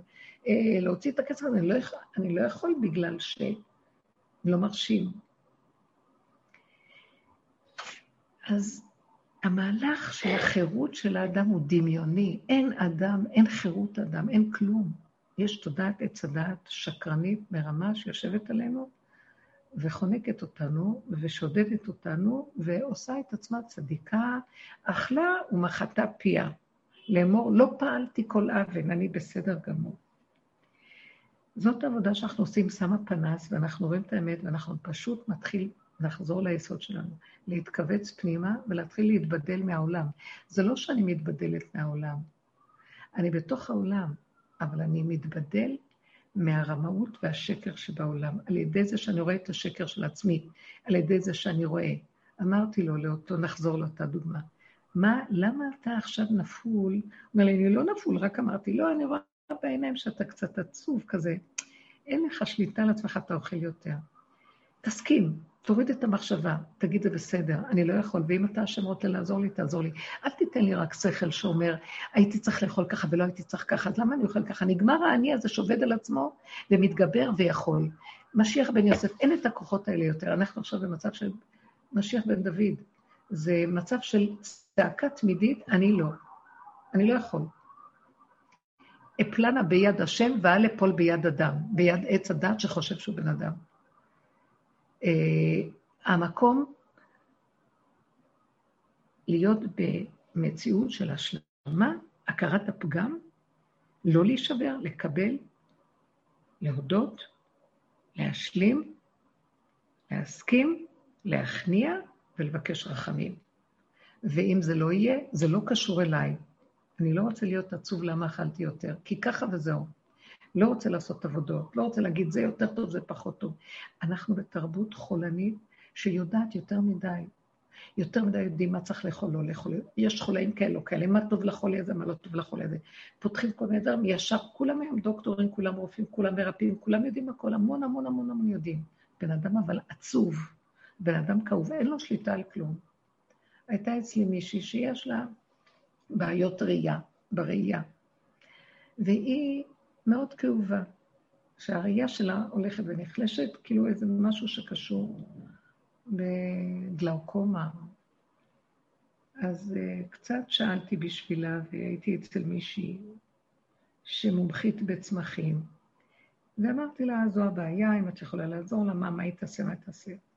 אז היא אמרה לי, תראי, אפשר להרכיב לה איזה משהו, אבל אה, מה שקשור, היא אמרה, מה שקשור לעיניים, אני יכולה לומר, זאת אומרת שהמצב שלה בעיניים קשור למצב שלה בכבד. אז היא צריכה לטפל בכבד. אז אמרתי לה, מה צריך לעשות? אומרת, ניקוי כבד, וצריך לעשות, אה, לאכול תזונה שמתאימה. והיא אמרה לי, תבדקו מה. לא, לא היה לה זמן הרבה לשבת איתי, אז היא נתנה איזו תמצית מסוימת, וכשפגשתי את אותך, היא באה, היא באה אליי והייתה אצלי בשבת ודיברתי איתה. אז אמרתי לה, את יודעת, היא מאוד שמחה שהבאתי לה את הפסעה, את הבקבוק, וכל כך שמחה, אמרתי לה, אבל זה רק משהו מאוד קטן מכל העניין, זה יכול לעזור לך. כי היא אמרה שברגע שזה יותר נקי, אז אה, הניקוז ב... של הנוזלים בעיניים, היא הסבירה, זה קשור. אז uh, היא אמרה לי, אמרתי לה, תראי, מה מצב התזונה? בואי נעבוד על, קצת על העניין של התזונה. אז היא הסתכלה עליי ואמרת לי, כלום, אני לא... שם מבוגרת קצת, היא אומרת לי, אני, שו, אני שותה קפה, אני לא אוכלת ככה, אני זה, אני הולכת לישון מאוד מאוחר. אז אמרתי, אז בואו נעשה קצת סדר. היא הסתכלה עליי, והיא הייתה נפולה מאוד. היא אומרת לי, את לא יכולה, לה... היא לא יכלה להרכיב לי משהו שאני לא צריכה לעבוד על עצמי, אין לי כבר כוח, אני לא עומדת בשום דבר. מה שלא עשיתי דיאטות, מה שלא עשיתי כל מיני צורות, אני לא עומדת בכלום. אני לא יכולה וזו, היא יכולה להרכיב לי משהו שיסדר לי את המצב. הסתכלתי עליה, היה איזה רגע, לפני שהיא אמרה לי את זה, אמרה, אה, טוב, אז אולי בוא נחשוב יחד מה היה מתאים לזה. ואז אספתי לה קצת חומר. אז היא אמרת לי, לא, זה מאוד קשה לי עכשיו להתחיל תזונה כזאת וכזאת, להפסיק את זה, לא להפסיק את זה. אני לא יכולה, תעזבי אותך, אני לא יכולה. נכון שזה קשה לי עם המצב הזה של העיניים, אבל זה יותר מדי מאמץ בשבילי. מה אפשר? אולי את יכולה למצוא לי, שהיא תעשה לי משהו. אמרתי לה, תראי, לפי הטבע אין הוקוס פוקוס, לפי הרפואה ולפי מה שהאישה הזאת, שהיא מאוד חכמה בחוכמת הצמחים יודעת, זה מה שהיא הציעה. היא מבקשת, אם את יכולה לעזור לעצמך על ידי המצב הזה. אז היא ישבה ואמרה לי, אני מאוד קשה לי, אני אנסה, אבל הייתה פתאום מאוד מאוד uh, כזאת נפולה. אז אמרתי לה, תקשיבי, בואי נלך לפי הדרך שאנחנו יודעים, ונעבוד עם הסיפור הזה בצורה הזאת. בואי תגידי, ריבונו של עולם, תיכנסי לתוך הבגן ותגידי לו. אני רוצה לעזור לעצמי, אבל אני לא יכולה. אני תקועה. אני נמצאת במצב שהראייה נחלשת לי, אני גם מקבלת זריקות, ואני לא רוצה להמשיך עם הזריקות. אני מחפשת מה אני יכולה לעשות, אבל אני לא יכולה. אז אוי לי מיצרי, אוי לי מיוצרי, אני, אין לי כוח כבר לחשוב על כל מיני שיטות, והיא גם עשתה הרבה דברים של שיטות. ואני עייפה מכל השיטות האלה, כי מה שאני לא עושה תמיד זה חוזר לזה שאני לא מתמידה בכלום. אז קחי את המצב הזה של חוסר ההתמדה, ושאת חסרת אונים מול הטבע החזק שלך, שהוא לא יכול, הוא לא יכול להתגבר על היצר הפשוט שלו, לאכול את מה שהוא רוצה ולשתות מה שהוא רוצה. היא לא אוכלת הרבה, אבל אנטיתזה של מה שניקוי כבד צריך. אין לה כוח. אמרת לה, בואי תקבלי את הכל, בואי תיכנסי לתוך זה ותבקשי רחמים מהשם, ותגידי לו, אבל נכון שמה שהם אומרים נכון, והחוכמה בטבע היא חוכמה אלוקית. הם יודעים דברים חכמים, אבל הם רוצים ללכת עם האני שלהם ועם היכולת שלהם ועם כוחות, כוחי ועוצם ידי, ואילו אני, אין לי כבר כוחי ועוצם ידי, תשש כוחי ואין לי כוח. אז הידע נכון, אבל אין לי כוח ליישם אותו, והם כל הזמן מתחדשים חדשות לבקרים, אנחנו יכולים, אנחנו יכולים, אנחנו יכולים. אז איפה אתה בעולמך? אתה רוצה ממני להתאמץ, ולי אין כוח להתאמץ, נגמר לי הכוח להתאמץ, נגמרו הדורות, נגמרו המאמץ, אני נותנת לכם אותה כאנלוגיה, ונגמר, מה שאנחנו לא עושים, שימו לב, המון פעמים אנחנו מציעים עצות טובות, הולכים ליועצים, הולכים לחכמים, בכוח הריפוי, מקבלים תרופות, הכל. אנחנו לא יודעים, אנחנו לא מתמידים. גם אם מביאים, המקרר יכול להיות מלא בבקבוקים, מלא בדברים, ובן אדם שוכח לקחת, הוא מתייאש, אין לו כוח. הוא לא מתמיד. אז כל פעם חדשות לבקרים. אז אמרנו, בואו ניקח את המקום הזה, נודה בפגם, התמדה. אנחנו מותשים. למה השכל כל כך ברור? מה, מה, אתה לא יכול להתאפק, אז אל תשתה בבוקר מיד קפה, ואז תיקח לימון, תעשה כל מיני דברים. הוא יכול יום, יומיים, אחר כך הוא נופל שוב, לא יכול. אז מה כאן הנקודה? השם בכוונה סוגר על הבני אדם את הדמיון שהם חושבים שהם יכולים. כל הכדור שלג שמתגלגל, הוא מתגלגל בכוח האנרציה של כוחי ועוצם ידי יסדרו לי את העולם. הבנקים רצים שהם חושבים שהם יכולים, והם יכולים, ומשקיעים את הכספים של האנשים, והם יכולים, ויכולים, הם נהיים עשירים, והם כל היום מתקשרים, אתם צריכים הלוואות, אתם צריכים זה, כי יש להם המון כסף, של מי הכסף? זה הכסף של האזרח שהם סוגרים עליו, והם רצים, והם מתגלגלים עם הגדלות, ועם החשיבות, ועם העשירות אה, שלהם, זה שלהם כבר. וזה כוחי ועוצם ידי, וישות עץ הדת הנחש גונב ורץ. וככה התרבות נראית בכל דבר. הרפואה רצה, המשכילים, זה התארים, הפסיכולוגים, מה זה, כולם רצים, רצים, רצים.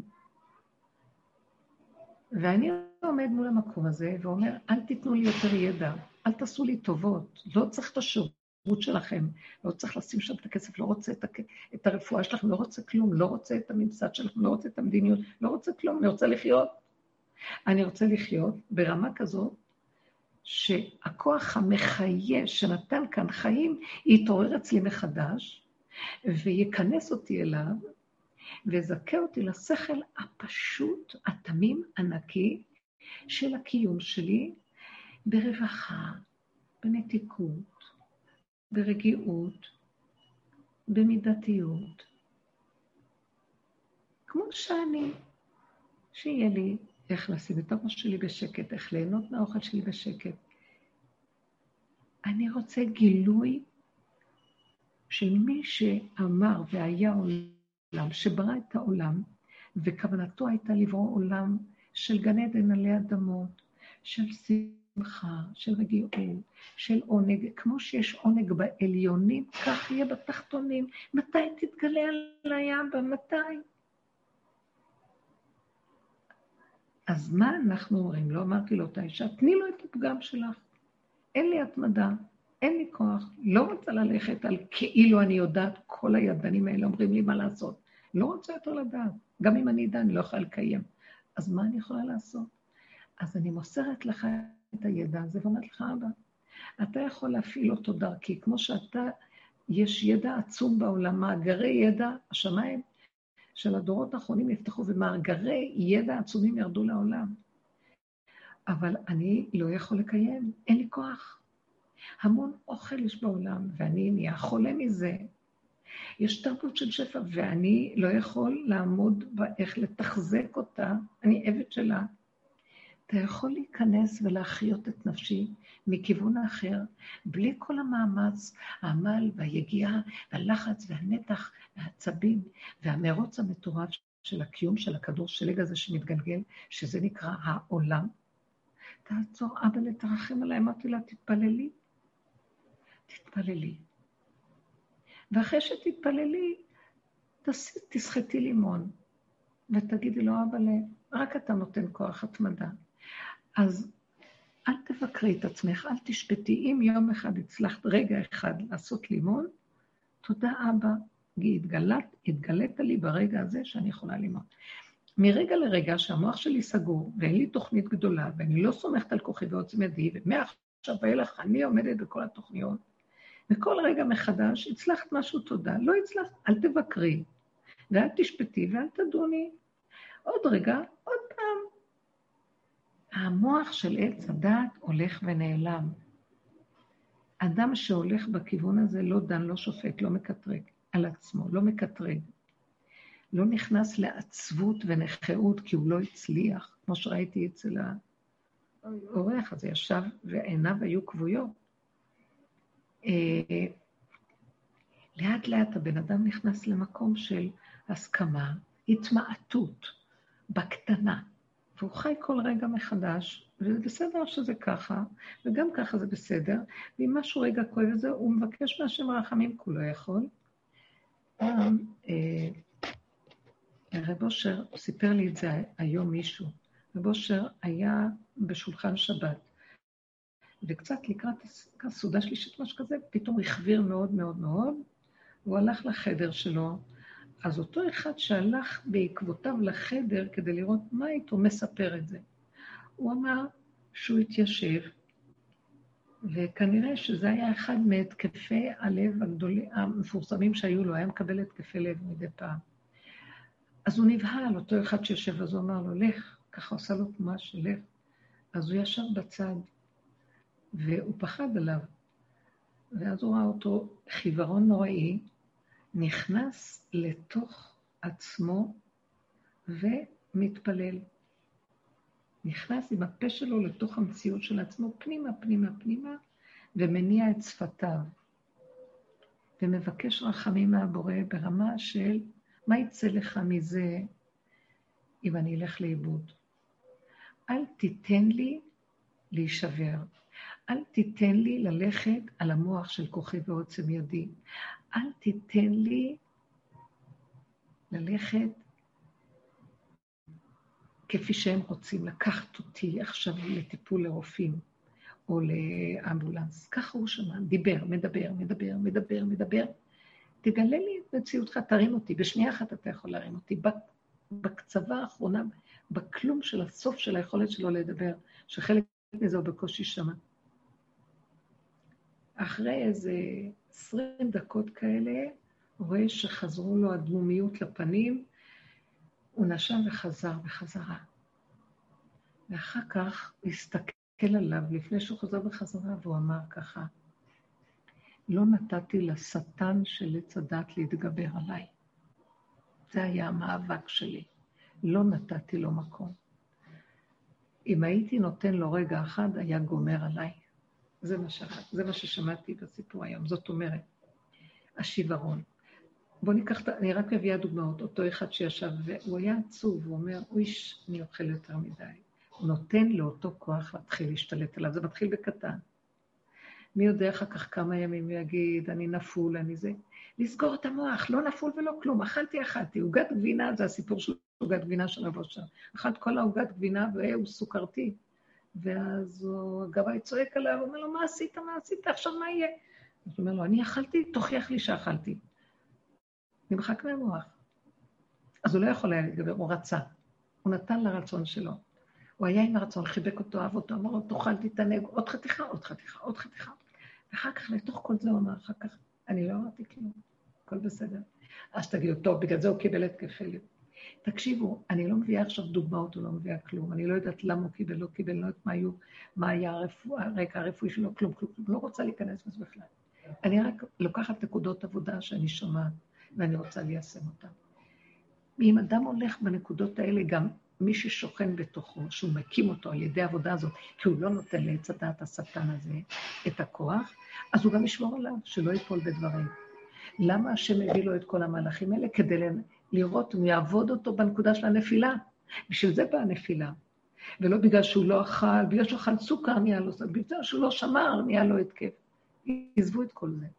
באותו רגע של נפילה, שם נמצאת שכינה גדולה מאוד. אנחנו משתמשים בנפילה כדי לעורר את עצמנו, להגיד לה, אנחנו לא יכולים, תתגלי, תתגלי, את מביאה את כל זה עלינו, כי כל הדורות, אנחנו בורחים מהנפילה, מפחדים. כי לא, העבודה הזאת לא הייתה, לא נתנו לה רשות, זה רק הדורות האחרונים, הדור האחרון. עכשיו, בוא נגיד, במאה שנה, חמישים שנה האחרונות, זה עבודה שעושים מאה שנה. לרדת למטה, למטה, למטה, למטה, וזה לא פשוט. המקום הזה חשוך, לא קל, אבל כל הדורות כבר עשו את העבודות שלהם, והשושבינים של הקודש הבריחו, הזכר כבר עומדים בשמיים ומחכים, אה, אה, החתן מוכן, מה, מה עם הכלה? להביא את הכוח ששוכן בארץ, ומש... ולא, אז הם מביאים עלינו ניסיונות כדי שלא נשבר, רק נצמצם צמצום אחר צמצום, ונבקש חזק, אנחנו לא. אה, הזכר, עבודת הזכר של השמיים, של הדורות הקדומים, זה אני יכול, אני מתגבר, אני אגיע, אני יש לי, אני... וזה לא מגיעים ולא מתגברים, לא כלום, זה דמיון הוויה. כן מתגברים. אבל זה לא הוויה, זה דמיון.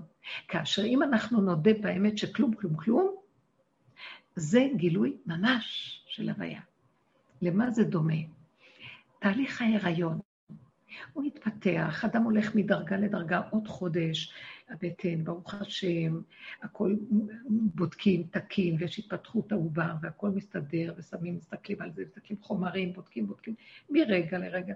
אבל זה עדיין דמיון של ילד. אנחנו עוד לא רואים את הילד, אנחנו מדמים, הוא מתפתח, הכל בסדר, אנחנו בדרגה, אנחנו הכל...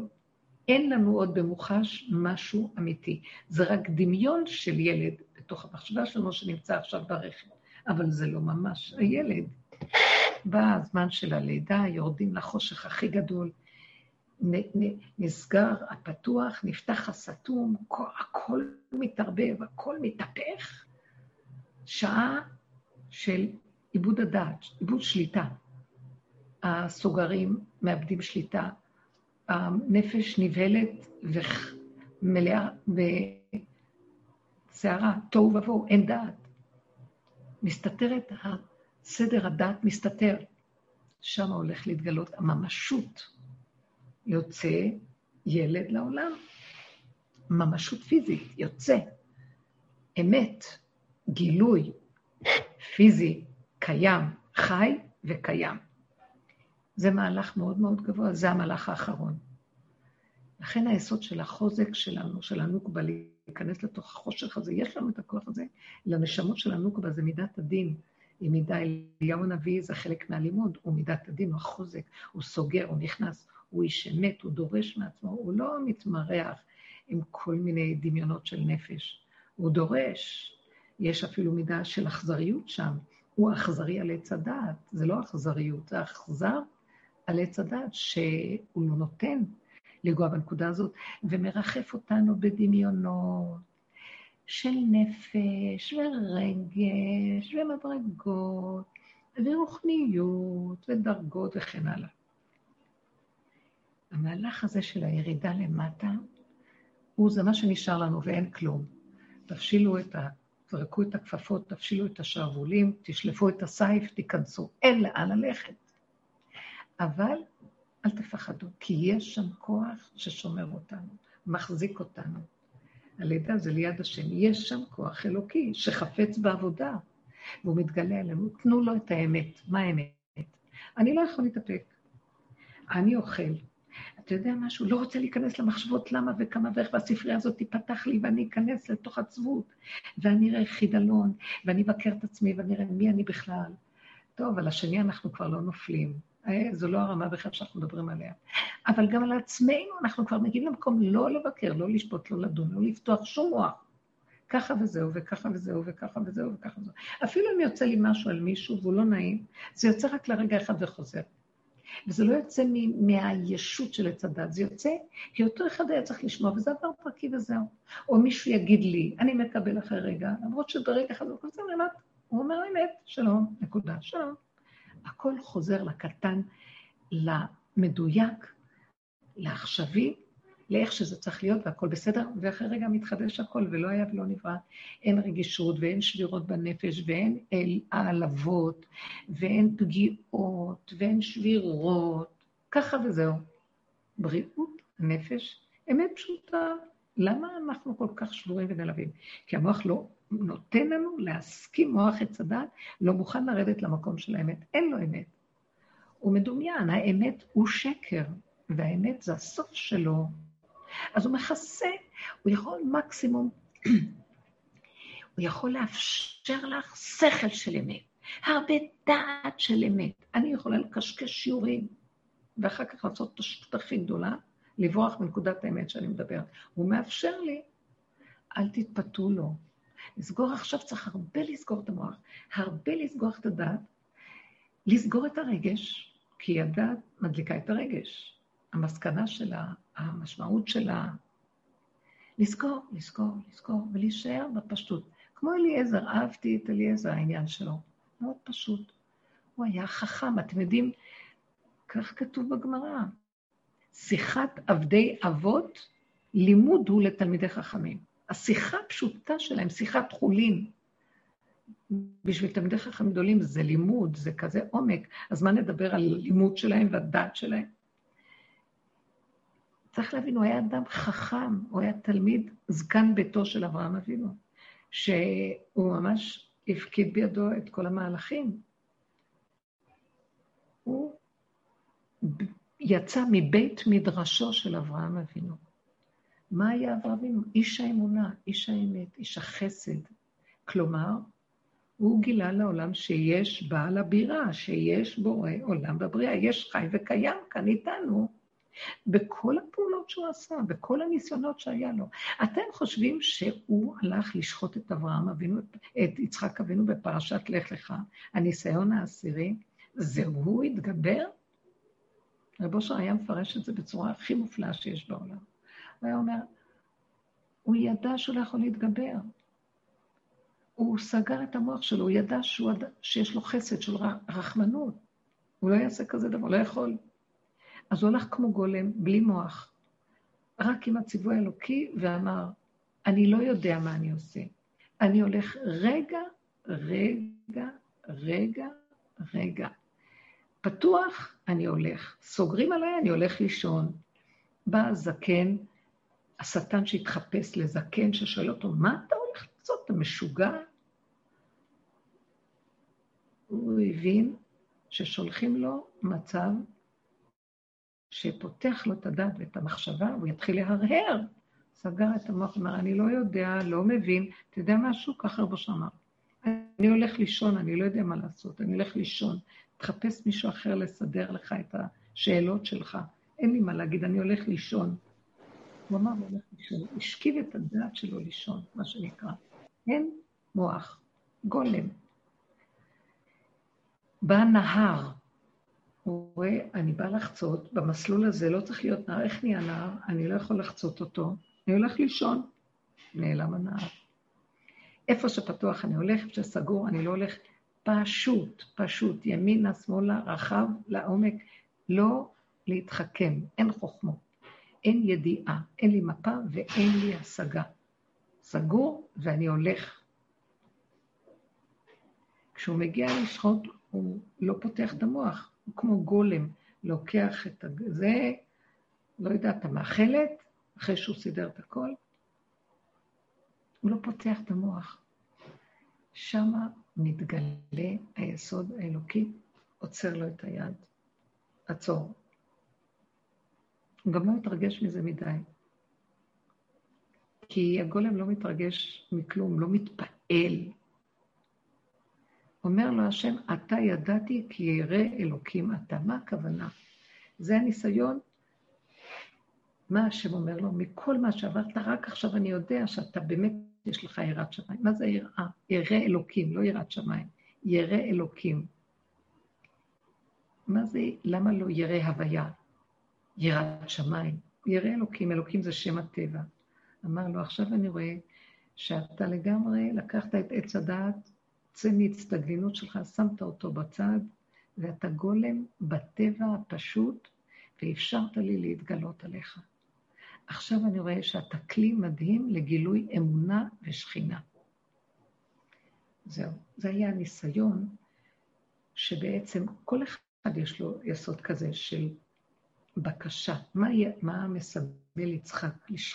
יצחק מסמל את הנשמה, לשחוט את האור של הנשמה. את הרוח, את הנשמה הרוחנית. זאת אומרת, אומר לו השם, תרד מהמוח, תרד מהרוחניות, תרד מהזכלים, תרד מהכל, תישאר פשוט, פשוט, פשוט. מאוד קל לאדם פשוט להישאר פשוט, אבל אדם כל כך חכם, כל כך חקרן, כל כך ידען, כל כך רחב וגדול, כשלמה במלכותו הוא היה, חכם הרזים. איך תגיד לו תסגור? החוכמה, ברור לו, סוגר. זאת אומרת, כוח ההכנעה שלו היה יותר גדול מכוח החוכמה שלו. יראתו קודמת לחוכמתו. מה זאת אומרת יראתו? עבודתו להישאר בגבול ולא לזוז משם יותר גדולה מהחוכמה הגדולה שהייתה לו. אתם יודעים, חוכמה זה דבר גדול. ים החוכמה. הגבול הקטן יותר גדול מהים האינסופי של החוכמה. יכולים להבין את זה? זאת עבודת האדם, לא, נחש... לא בגדול, כי אם בקטנה הוא נמדד. איפה אתה יורד? בייחוד שהוא בכזה גדלות, ערומים בדעת ומשימים עצמם כבהמה. אז אדם ובהמה תושיע. אז השם מתגלה ומושיע. אז אליעזר היה כל כך חכם, והלך בפשטות לעשות סימן הכי קטן בעולם. אם תבוא הנערה ותגיד לי כך וכך, זה נראה כאילו פיגור. שימו לב, במקום הכי פשוט, הדור האחרון יצטרך להיות אנשים פשוטים, לא מתוחכמים. אפילו שהם חכמים, הם לא מסתובבים עם הערמומיות של השכל. יוצא מהם הדבר הכי חכם, וזה לא שלהם, כי הם ויתרו על שלהם הקודם. מתגלה הדבר שיש בו חיות, שהיא לא ניתנת לתיאור. מתהפך היוצרות. אין חוכמה, מה חוכמה יכולה לעשות? יכולה להבין את הדבר, לדעת, להכיר, להשיג, אבל להפך את הדבר, זה רק הכתר יכול להפך, האור הכי גבוה. אי אפשר. כשאדם הולך עם הגולם הפשוט שאין לו כלום, מתגלה אור הכתר, האור הגנוז, מתהפך, הכל מתהפך, ברגע אחד. המהלך של להכיר את השם בתוך הטבע הוא המהלך הכי גבוה. אנחנו מכירים אותו בשמיים, ונדמה לנו שמכירים אותו, אנחנו בדמיון הוויה שמכירים. הגילוי האמיתי שלו זה בתוך הטבע, באכילה, בשתייה. איך? במקום הכי פשוט, כאשר אדמה, לא מתוך הדעת, מתוך החוסר כלום, מתוך הגבוליות האמיתית של המוגבלות שלו, מודה ואומר. מודה ועוזב ירוחק כבר. מודה ועוזב את הכוחנות, עוזב את המוח שמחפש פתרונות וישות. לפעמים אנחנו מודים ומחפשים עוד מה לעשות. מודה ועוזב את הכל. מודה, אני לא יכול, לא רוצה. לא רוצה גם להיות יכול, אין לי כוח. אתה, ריבונו שלום, רוצה, תגיד, אמרתי לה, בוא נגיד ביחד, אתה רוצה, תיתן לי ראייה בעיניים, הראייה שלך, השמיעה שלך, הקול שלך. הטבע יכול לעזור, הצמחים יכולים לעזור, הרפואות יכולות לעזור, אבל אם אתה לא נמצא שם, כוחי ועוצמי ידי יהיה שם, אז אולי זה יעזור, אולי לא. אני רוצה שאתה תהיה בתוך החומרים האלה, בתוך הטיפות האלה אתה תהיה, בתוך הכוח של ההתמדה, אתה נותן לו כוח. האדם בעץ הדת מחכה, מחכה את הכוחות, עץ הדת הוא חקיין, מחכה את ההתמדה, מחכה את היכולת, מחכה את הגבורה, מחכה, אנחנו חקיינים. אז בכל הדורות נתנו, כי היה צריך לעשות עבודות כאילו ובשמיים. בסדר, בדרך תורה. לקראת הסוף נחכה עד מחר. דברים לא ילכו, לא ילך. אין שכל, אין עצה ותושייה כנגד מה? הכנעה. הוא סוגר עלינו ורוצה שנגיד לא יכולים. פשוט מאוד. אבל זה לא לא יכולים של חידלון, של ייאוש, של אבדון, וזה צריך להיזהר. אז ההוא, עץ הדעת אומר לו, אתה יכול להתגבר, למה אתה לא מתגבר?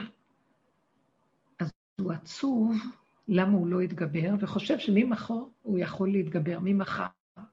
הוא מכניס אותו ללופ של ייאוש ודיכאון שלא יוצא ממנו. מה דעתך להגיד, אני לא יכול להתגבר? יותר קל להגיד את זה, ואפילו שיש בזה נראה כאילו חידלון, אני לא יכול להתגבר, זה יותר טוב מהמשחק הרמאי שלו, שהוא אומר, אתה כן יכול, ואחר כך מפיל אותו באלף נפילות, ועוד פעם ועוד פעם ועוד פעם, עד שהוא מבקש לשים את. עד שהוא מבקש אה, אה, את חייו להיעלם. מה דעתכם שנגיד את האמת, ולא להיכנס עכשיו בשיוורון שהמוח יגנוב אותנו באמת המקולקלת, אלא נגיד את האמת ונגיד, אבל מיד ישר, ריבונו של עולם, במילא אין לנו חיים, אם אתה נותן נשימה יש לנו, ואם לא, אתה לא, אין לנו חיים. אז ממילא אם אין לנו נשימה רק ממך, אז גם כל מה שבא בתוכה זה יהיה ממך. המחשבות שאתה שולח לי, ששלחת לי, אתה שלחת לי למשל, את, שלחת את הטינקטורה הזאת, טיפות של ה... עכשיו, תיתן לי כוח להתמיד. תיתן לי כוח לזכור שיש כאלה, לפעמים מביאים לנו תרופות, אנחנו לא זוכרים שיש לנו את התרופות, או לא מתמידים. לפעמים אומרים לנו, תעשה גם עוד תוספת זה וזה. אז אנחנו חושבים, אה, אנחנו יכולים לעשות בעצמנו. אני למדתי לא לסמוך על עצמי בכלל. כל כך הרבה דברים רציתי, ואני באה לעשות, ואחרי זה שוכח או לא יכול, או מתעצל, או כוחות שונים במציאות האדם. נמאס לי להילחם על עצמי, נמאס לי לעבוד על עצמי, ואז אני אומר, אז ריבונו של עולם, כמו שנתת את המחשבה, תיתן בבקשה גם את ההוצאה לפועל שלה. למה המחשבה ממך, הרצון ממך, המחשבה ממך וההוצאה לפועל שלי? כמו שהמחשבה היא שלך. בואו נתחיל מהרצון. כי יש סוברים שהרצון הוא קודם. הרצון ממך, המחשבה ממך, גם ההוצאה לפועל ממך. אם כן, אני מפריע, כי אני חושב שאני יכול. אז אני רוצה להמשיך את הרצף, להגיד לך, כמו שהבאת את זה, וגם את זה, אז קח, תיקח גם את זה. אני זז, ואני סומכת עליך. אני יודעת שרק אתה חי כאלה, תגלה לי את מציאותך. אם היינו מתעקשים מאוד, עיקר חיינו היה מושם על זה. להתעקש. מה שקורה לנו זה שיש לנו המון פעולות, אנחנו מאוד עסוקים, ואין לנו זמן אה, להיכנס לתוך הדקויות האלה, כי אנחנו, יש לנו מלא מטלות. וככה פרעה הצליח להשתלט עלינו. תכבד העבודה על האנשים. הרבנית. תנו להם המון מטלות, ואל ישו בדברי שקר, שלא יחפשו מזור לנפשם, שלא ידעו שיש אפשרות אחרת. כן. אה, שבוע טוב. אז בעצם עיקר העבודה זה בעצם כל הזמן פשוט לדבר את הדברים האלה. את אומרת, יש את הרצון, אה, אז בעצם להעביר את זה ליכולת, בעצם להגיד להשם, אתה נתת את הרצון, תיתן גם את היכולת. זאת אומרת, כל הזמן זה בדיבור, פחות בפעולות. עיקר העבודה הזאת זה ההכרה והדיבור. הפעולות נעשות ממילא. אנחנו בתודעה אחרת, יש לנו מחשבה, ואומרים, טוב, בוא, במקרה הכי טוב אומרים, אה, במקרה היותר טוב אומרים, זה השם נתן לי, אבל הפעולה היא שלי. אנחנו אומרים דבר כזה, אנחנו כבר חכמים בחיים וראינו הרבה דברים, ראינו, יש כוח האנרציה פה שאנשים כל הזמן רצים לפעול ולעשות. לפני שאני הולך לפעול ולעשות, ואני רץ בתנועה של לעשות, או שאני מבקר את עצמי, אני כן יכול, לא יכול, כלום, לעצור את הכל, ולדעת, אם זה לא ממך, אם השם לא יבנה בית, שאף פעם לא בונה פה. אז אם יש דבר שאתה מבקש ממני, אני מחפשת, הפגם ישר אומר לי, תעצור. למה הוא עוצר אותי? מה עוצר אותי? מה זה הפגם? המחשבה של זה שאמרת, אמרתי לכם שהוא אמר שהוא אוכל יותר מדי, ביקורת. אז הוא מתחיל לראות שהפגם שלו זה, הוא חוסר התמדה, הוא לא יכול להתגבר. גם היא אמרה, אני לא יכולה להתגבר. למה שלא ניקח את הפגם הזה ונביא אותו להשם ונגיד, לא יכולים להתגבר? אנחנו בתרבות שהחלישה אותנו. יש לנו דמיון שרוצים להתגבר, אבל באמת, באמת, סוף הדורות, אף אחד לא ירצה להתגבר. לא יהיה כוח להתגבר על כלום. וגם בכוונה שזה ככה שלא נתגבר. מספיק עם כוח האני שמתגבר ויכול. אז באותו מעמד אנחנו נעצרים. כדאי לנו בדרך הזאת לא לשעות לכיוון דברים. אני מבקשת הרבה פעמים, ריבונו שלם, תעזור לי לעצור את שטף המרוץ הנורא של תכבד העבודה על האנשים. יש לנו מלא פעולות, ואנחנו רצים כל הזמן לעשות, ויש לנו סיפוק בריצה הזאת ובעשייה, ואנחנו אומרים, אוף, איזה לחץ. מי רוצה לחיות פה ברגיעות בכלל? הרגיעות מונחת בקרן זווית ואין בה ונוטל, כי אנחנו נטים על הסיפוק של הריצות. והעיסוקים השונים שלנו. מי שרוצה אמת חייב לעצור את המעגל המטורף הזה. זה שיגעון איך שאנחנו חיים. למה צריך לעשות כל כך הרבה דברים וכל הזמן ולרוץ ולרוץ? כי בריקנות של עץ הדעת, זה מה שנותן לנו סיפוק וחיים. הריצות והעשיות והנתינה וזה וזה, וקוראים לזה מצוות ומעשים טובים, ואנשים ואורחים והכול. ואנחנו לא יודעים, נותנים לנו אפשרות להיות רגועים, ואנחנו אומרים, לא, המשעמם. כל כך שטחיים אנחנו. אם היינו נעצרים ונכנסים פנימה ומדברים, הדיבור הזה, האמת הזה, ההתוודות הפנימית, זה כמו התבודדות, אבל בתוך הנפש, רגע, רגע, בכל מקום. לא בשדות ולא פעם ביום ולא שעה ביום. ולא חייב להיות בחוץ, באותו מקום עצמו, באותה, באותה נקודה של, של מה שקורה. אז אם אנחנו נעצרים ואומרים, ריבונו של עולם, ישר אני, אה, אה, כן, היא נתנה לי את הטיפות, אה, כן, ואז אני יכול לעשות זה וזה, וממחר אני עושה ניקוי. ואני מתבונן ואומר, לאור מה שאני מכירה את עצמי כן, עוד טיפות שנותנים לי, אני צריך לעשות גם לעשות עוד 80 אחוז חוץ מזה משהו מעצמי, כאשר לי אין כבר כוח. אז אני נעצר ומתחילה להגיד, אה, את יודעת מה, אני כבר מכירה את עצמי, אני לא אעשה את זה, מה אני אעשה עכשיו? אז אני אתייאש ואני אעזוב את זה? לא. מי שהביא לי את המחשבה, מי שהביא את הטיפות, מי שנתן לי, אני הלכתי לעזור לה פשוט. ואמרתי, אני במילא כאן, אני אעזור לה. אז השם עשה אותי שליחה והבאתי לה הכל בקלות. למה שלא תמשיך את הקלות ותגיד, אז אתה גם תעשה שתעזור לי זה וזה וזה. תרחם עליי. אני כבר עייפה, הזדקנתי, אין לי כבר כוח. גם אנשים צעירים כבר אין להם כוח. כל, כל הדור האחרון יפסיק לחפש להיות יכול. ויגידו איך שזה ככה זה טוב, לא נורא. גם זה הולך ונהיה ככה, מה שגוזרים עלינו מכל המדיניות של הממסדיות והכול, וכל פעם גזרות חדשות במרכאות, כן, אין זה אסור, זה סגור, זה אי אפשר פה, יש קנסות, בני אדם מתחילים להיות פסיביים ואומרים, טוב, לא נלחמים, אין לנו כוח. אבל לא להיות בייאוש של אין כוח כאשר הממסד שולט בנו. אלא לקחת את זה להשם ולהגיד, אתה סוגר את העולם עלינו כדי שנהיה שייכים אליך.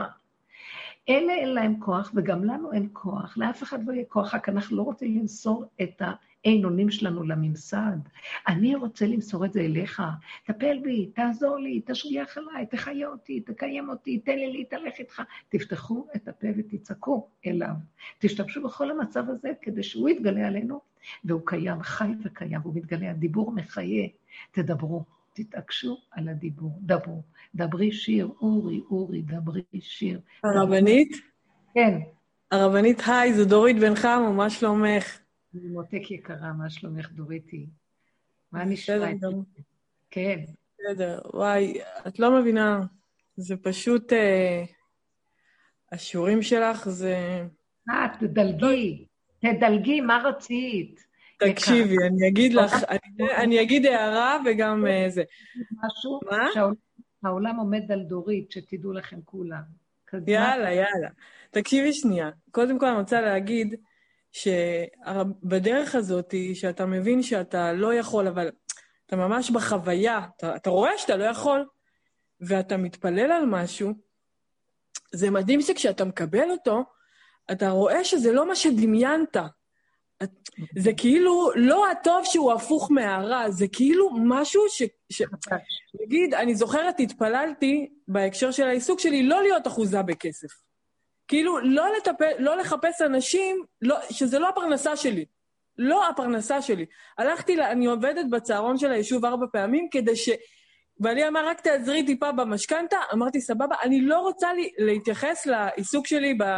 במרכאות, בטיפול שלי באנשים כפרנסה, והתפללתי להשם.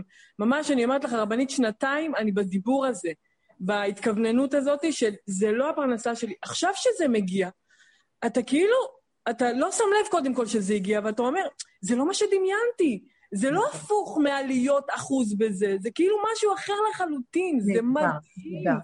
איזה גילוי יפה, זה מדהים, זה פשוט מדהים. תודה. על זה באמת את מאירה נקודה, את מדהימה, בגלל שלא לא התעכבנו על זה. התוצאה תהיה בכלל לא מה שחשבנו. מה אכפת לנו? ממש, ממש. שמשרתת את הנקודה, ומזווית שבכלל לא חשבנו. נפלאות דרכי הבורא, נפלאות. מדהים, ממש. מדהים. עכשיו, עוד דבר, אני רוצה לשאול אותך, כשאני מתעסקת עם אנשים, אז יש הרבה כאלה שבאים, קודם כל, כל מה שאמרת בקטע של תזונה עם האישה הזאת, זה פשוט מדהים. אני בעצמי, עשיתי שינוי תזונה בהקשר של תודעה, ואפילו שאני בדרך הזאת, כבר חוויתי שאני יודעת, ויש לי תודעה נכונה, ו- ואפילו פתחתי קבוצות, והדרכתי אנשים, ולפני איזה ארבעה חודשים, הכל חזר, הרבנית, הכל. הדיבור הפנימי, הדיבור הפנימי שהוא מכור, הדיבור ההתמכרותי, ואמרתי, אוקיי, אני מבינה אותך, השם, הבנתי, אם לא הייתי בדרך הזאת, את לא מבינה לאיזה ייאוש הייתי מגיעה. כי רבים כמוני מרגישים את זה, שכל ה, כל ה, כל התודעה עבדה והם חוזרים אחורה, ממש, אנשים חברים משתפים אותי. ואמרתי לשם, אני מבינה אותך. אני מבינה אותך, סבבה, הבנתי, עכשיו אתה רוצה להיכנס. אז אני לא יודעת כלום, לא אכפת לי, אני אוכל עוגה, ואני אוכל עוגיות, ואתה תהיה איתי, וזה פשוט מדהים. אתה, ומה עוד? איך המוח נפתח? אתה, אתה בהווה אוכל עוגייה, ואז המוח מיד קופץ. רגע, אז גם פעם הבאה תאכלי עוגייה, ואז אתה סוט... שקט! זה לא קשור לפעם הבאה, אני עכשיו ברגע, וזה מדהים. זה שחרור על שחרור על שחרור. זה רק השם, רק השם, בנות, זה רק השם. אין לנו כלום, אנחנו אפסים גמורים, זה אם השם לא איתנו, אין לנו כלום. מדהימה. דורית אהובה, יקרה. השם מדבר מהגרון שלך, זה עובד. אנחנו רואים את זה כולם. יש כאן תלמידות של 20 שנה, איך הן מתמידות בדרך? זו לא דרך קלה. מתות על הדרך, כי הן רואות שכינה, מתגלה שם שכינה. לכו על האמת, תפסיקו עם הקשקושים של העולם. שקרן רמאי. אין שום יכולת לאדם אם השם לא יקים עיר שב שקד שומר, לא, לא ישמור עיר. אין אף אחד כלומר, הכל דמיונות. אז אנחנו כל הדורות טיפחנו את זה וחושבים, רגע אחד זה זז, נשברים. נמאס לנו מהשיוורון. בואו נלך בפשטות, בואו נקבל את הכל. בואו נשמח, אמרתי לבחור שהיה פה, לא בחור, איש, אמרתי לו, תחבק את הבטן שלך, תאהב את עצמך, תאכל טוב, תודה להשם. ותגיד לו, אני לא יכול, השם, זה כל כך טעים, מה נעשה? אז תיכנס אתה. השמחה עושה את הכול. תסלק את הרקורד של העצבות, את הכאבים. תגיד לו, רק אני לא יכול. וזו האמת הכי יפה, הכי פשוטה. תינוק אומר, אני לא יכול, כולם באים לתת לו. רבותיי, כמה קל להגיד את זה, כמה קשה לשנות את התודעה של הנחש שגדל לנו ועלה למגדל הכי גבוה הצפוני הזה, יושב לו שם, במקרה עליותיו באוויר שם, והרג לנו את החיים, ואנחנו מיואשים ונפולים וקמים ועוד פעם ועוד פעם ועוד פעם ועוד פעם. דורית, את פשוט הארת את עינינו מדהים, אמיתי ופשוט. ומה שהוא מביא לנו, עכשיו תראו, כשאנחנו מתפללים, זוזו הצידה, תאמינו שהוא שומע. מה זה תאמינו? תחליטו שדיברתם ויש מי ששומע. ממש, ממש. זה כמו שאת אומרת, למשוך לו בזקן. ממש. עד שלא שערות שם. ממש, ממש. אבל יש לי שאלה, רבנית. כן. אני רוצה לשאול אותך, אני, אני עובדת עם אנשים, ואז, נגיד, יש לי מישהי שאני, שהיא גם עברה איתי את התהליך, היא הייתה איתי בקבוצה שעשתה את התהליך, ועכשיו היא פנתה אליי בשביל, uh, כאילו, היא הבינה שאני מתעסקת בזה, ו, ואני גם uh, כתבתי בכמה מקומות שהתוכנית שעשינו היא לא מביאה לשחרור באמיתי. היא מביאה לאיזו שליטה, אבל היא לא באמת מביאה לשחרור. ואני כאילו דיברתי על השחרור וזה, על כל ה... בעצם הדרך. בעצם הדרך. אז היא אומרת לי, אבל, אבל תראי, איך, מה אתה עונה לאדם שאומר לך, אני מבינה את התשובה בפנימית, זה לא, ללא מילים, אבל מה אתה עונה לאדם שאומר לך, אבל זה גורם לי עכשיו לאכול יותר. זה, זה כאילו, יש אנשים שההתמכרות עוד חיה אצלם, ש... אז אומרים, אז אני אוכל, אז אני כל הזמן אוכל, אם אני אאפשר לעצמי. לי זה לא גורם דווקא כל הזמן לאכול, כי כנראה שה... שבחסדי השם, ה... ה... ה... התהליך הקודם, הוא גרם לי כן להתנקות. אבל היא אומרת, תשמעי, אם אני מרשה לעצמי, אז אני מרשה לעצמי, אז אני כל היום אוכל. אוקיי. Okay. זה מה שאנחנו אומרים. היא באה משאלה מתוך תודעת עץ הדת, וזה נכון, oh. תודעת עץ הדת, אם אתה לא תתגבר, אתה תיפול. אבל לא חשוב שהרבה פעמים אתה מתגבר, ואחר כך נופל, ועוד פעם ועוד. פעם. וזה לא נגמר, זה אחיזת עיניים שמשכנעת את האדם, לא, תתגבר, כי אתה אחרת תיפול, לא, תתגבר, אתה כן, תיפול. כן, כן. ואז זה נגנב לו שהוא יכול, והוא חזק, והוא גיבור. ואני אגיד לכם את האמת, יכול להיות שבאוכל הוא יפייס את עצמו והוא יכול, אבל הוא, הוא, זאת אומרת, הוא יכול, אבל הוא ילך לפייס את עצמו בדברים אחרים, ואז הוא יהיה שבור בדברים אחרים. לא חשוב, זה תמיד יתפוס אותו אין להימלט מהתוכנית. מה שאנחנו עושים, אנחנו יורדים מהתודעה לאט לאט לאט, מכירים בשקר שלה, זיהינו את הנקודות שלנו, הסכמנו להודות באמת, נכנסנו למקום החשוך והשפל של אוי ואבוי, איך אנחנו נראים, הסכמנו לא להישבר, קיבלנו את הכל איכשהו, ועכשיו מה שקרה לנו, התודעה שלנו נכנסת למקום חדש. מה היא? זו תודעה שהיא חיה רק את הרגע. אני אומרת, אני לא יכולה. אני לא יכולה רק לרגע. היא אומרת, אני לא יכולה, אז היא אומרת, אז מחר, אז מה יהיה מחר? ואיך מחרתיים? ואיך זה? אז אני לא יכולה, אני צריכה כל הזמן להחזיק, להחזיק, להחזיק, להחזיק, להחזיק, להחזיק, להחזיק. ואז את מתפוצצת ויום אחד היא לא יכולה להחזיק, נשמטת. אנחנו חיים את הרגע, וכשחיים את הרגע, ולא יודעים יותר, רק כמו ילד קטן, משהו חדש כן, מתחדש כן, מתוך כן. היסוד של הרגע. מתוך הנקודה הקטנה הזאת מתגלה ישועה ומחזיקה אותנו. כן, היא כן. לא לוקחת בחשבון את המקום הזה, כי יש לה מוח שעושה אחד עוד אחד ועוד אחד ועוד אחד ועוד אחד. ואם האמי הישותי לא יחזיק את עצמו, אז מי יחזיק אותו? וזה הטעות. לכן אי אפשר להציע את הדרך הזאת בתוך תודעת עץ הדת. צריך איזה ניקוי, מה שנקרא, ניקוי כזה. אוקיי, אוקיי, הבנתי. אז אנחנו חייבים להסכים להכיר את הפגם. זה א' ב' של ההודעה, ולהודות בו. ואם אנחנו נשברים, אז אנחנו אומרים, לא, אל תישברי, לסגור את המוח ולא אה, לבקר ולא לשפוט ולא לדון ולא לפרש ולא כלום, צמצום אחר צמצום אחר צמצום. בסוף זה נראה מאוד פשוט שאנחנו נפלנו, ואחרי רגע נקום, כי ככה זה. ממש, ממש, זה ממש ככה. מקבלים את התהליך של הפשטות האמיתית, מה שקורה בטבע. הטבע שבור.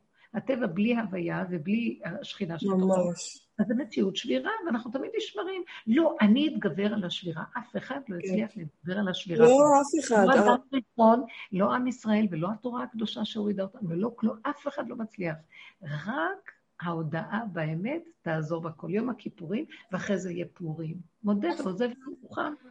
אנחנו לא, האגו של ישות עץ הדת לא מוכן לבוא על הדבר הזה. ושם הישועה הכי גדולה. אז מה השם עושה לעולם? הוא מרחם עליו, אז הוא מחליש אותו ממילא. יש הרבה חולשה בעולם, ומרגע לרגע לרגע בני אדם כבר אין להם כוח באמת להילחם. אז הם אומרים, טוב, רק שלא ייפלו, ב... ברגע שאנחנו עובדים, נכון, אז אנחנו נעזור להם לא ליפול בשיוורון, ולראות, הנה, יש שכינה, יש הכל, איך שזה ככה, מה רע? הכל טוב, הכל בסדר. נכון. רחמים של השם מתגלים עלינו. ממש, ממש. דורית, את פשוט הערת לנו אור גדול עכשיו, והדוגמה הכי יפה וחכמה, והשם ייתן לנו חיות. אמן. מה, מה, למה? להיות פשוטים. תמימות, תמימות, איבד את התמימות. אינסנס, תמימות, נקיות, פשטות, ילד קטן שהוא גבולי ומודה באמת שלו ומבקש את הרחמים. כל הבריאה קמה לעזור לו. כל הבריאה מושיטה יד לעזור לאדם כזה. למה הוא הולך עם כוחנות כדי לחשוב שהוא משהו? מה יש לו מהדמיון הזה? דמיון רגעי של uh, טפיחה על השכם, מלא אוויר uh, חלול, שבעת ההבלים, אבל הבלים אין בו ממש, כאשר לידו עומדת שכינה ואומרת, אני אעזור לך, אני אשרת אותך. כל הבריאה, המפתחות בידי, בוא אליי. לא, לא, לא, לא, אני יכול, אני יכול. טוב, היא מחכה ואומרת, טוב, אני אמתין לך בסיבוב, אני סבלנית, אבל לא חבל על הבן אדם. השם יזכה לנו שנלך בדרך האמת. אני מאוד מתגעת אלייך, דורית, ויישר כוחך. כל החברות היקרות, שהשם ייתן לנו כוח ללכת בנקודת האמת. מה זה? ממנו תודו באמת ולכו עם זה, ולא להישבר. תעצרו, תדברו, תגידו, שימו מבט בחורים ובסדקים, ותעצרו את המרוץ. זה לא, אתם לא תאמינו מה שיקרה פה. נספיק לעשות הרבה יותר מה שאנחנו עושים עם המרוץ, ותהיה ברכה מה שאנחנו עושים. וכוח אלוקי בתוך זה מלווה, ואין שום ייאוש כלל ואין שום ריצה מטורפת של כוחי ועוצם ידי ותפקודיות של שיגעון. יש, מתגלה הכוח של חי וקיים בתוכנו. תודה רבה.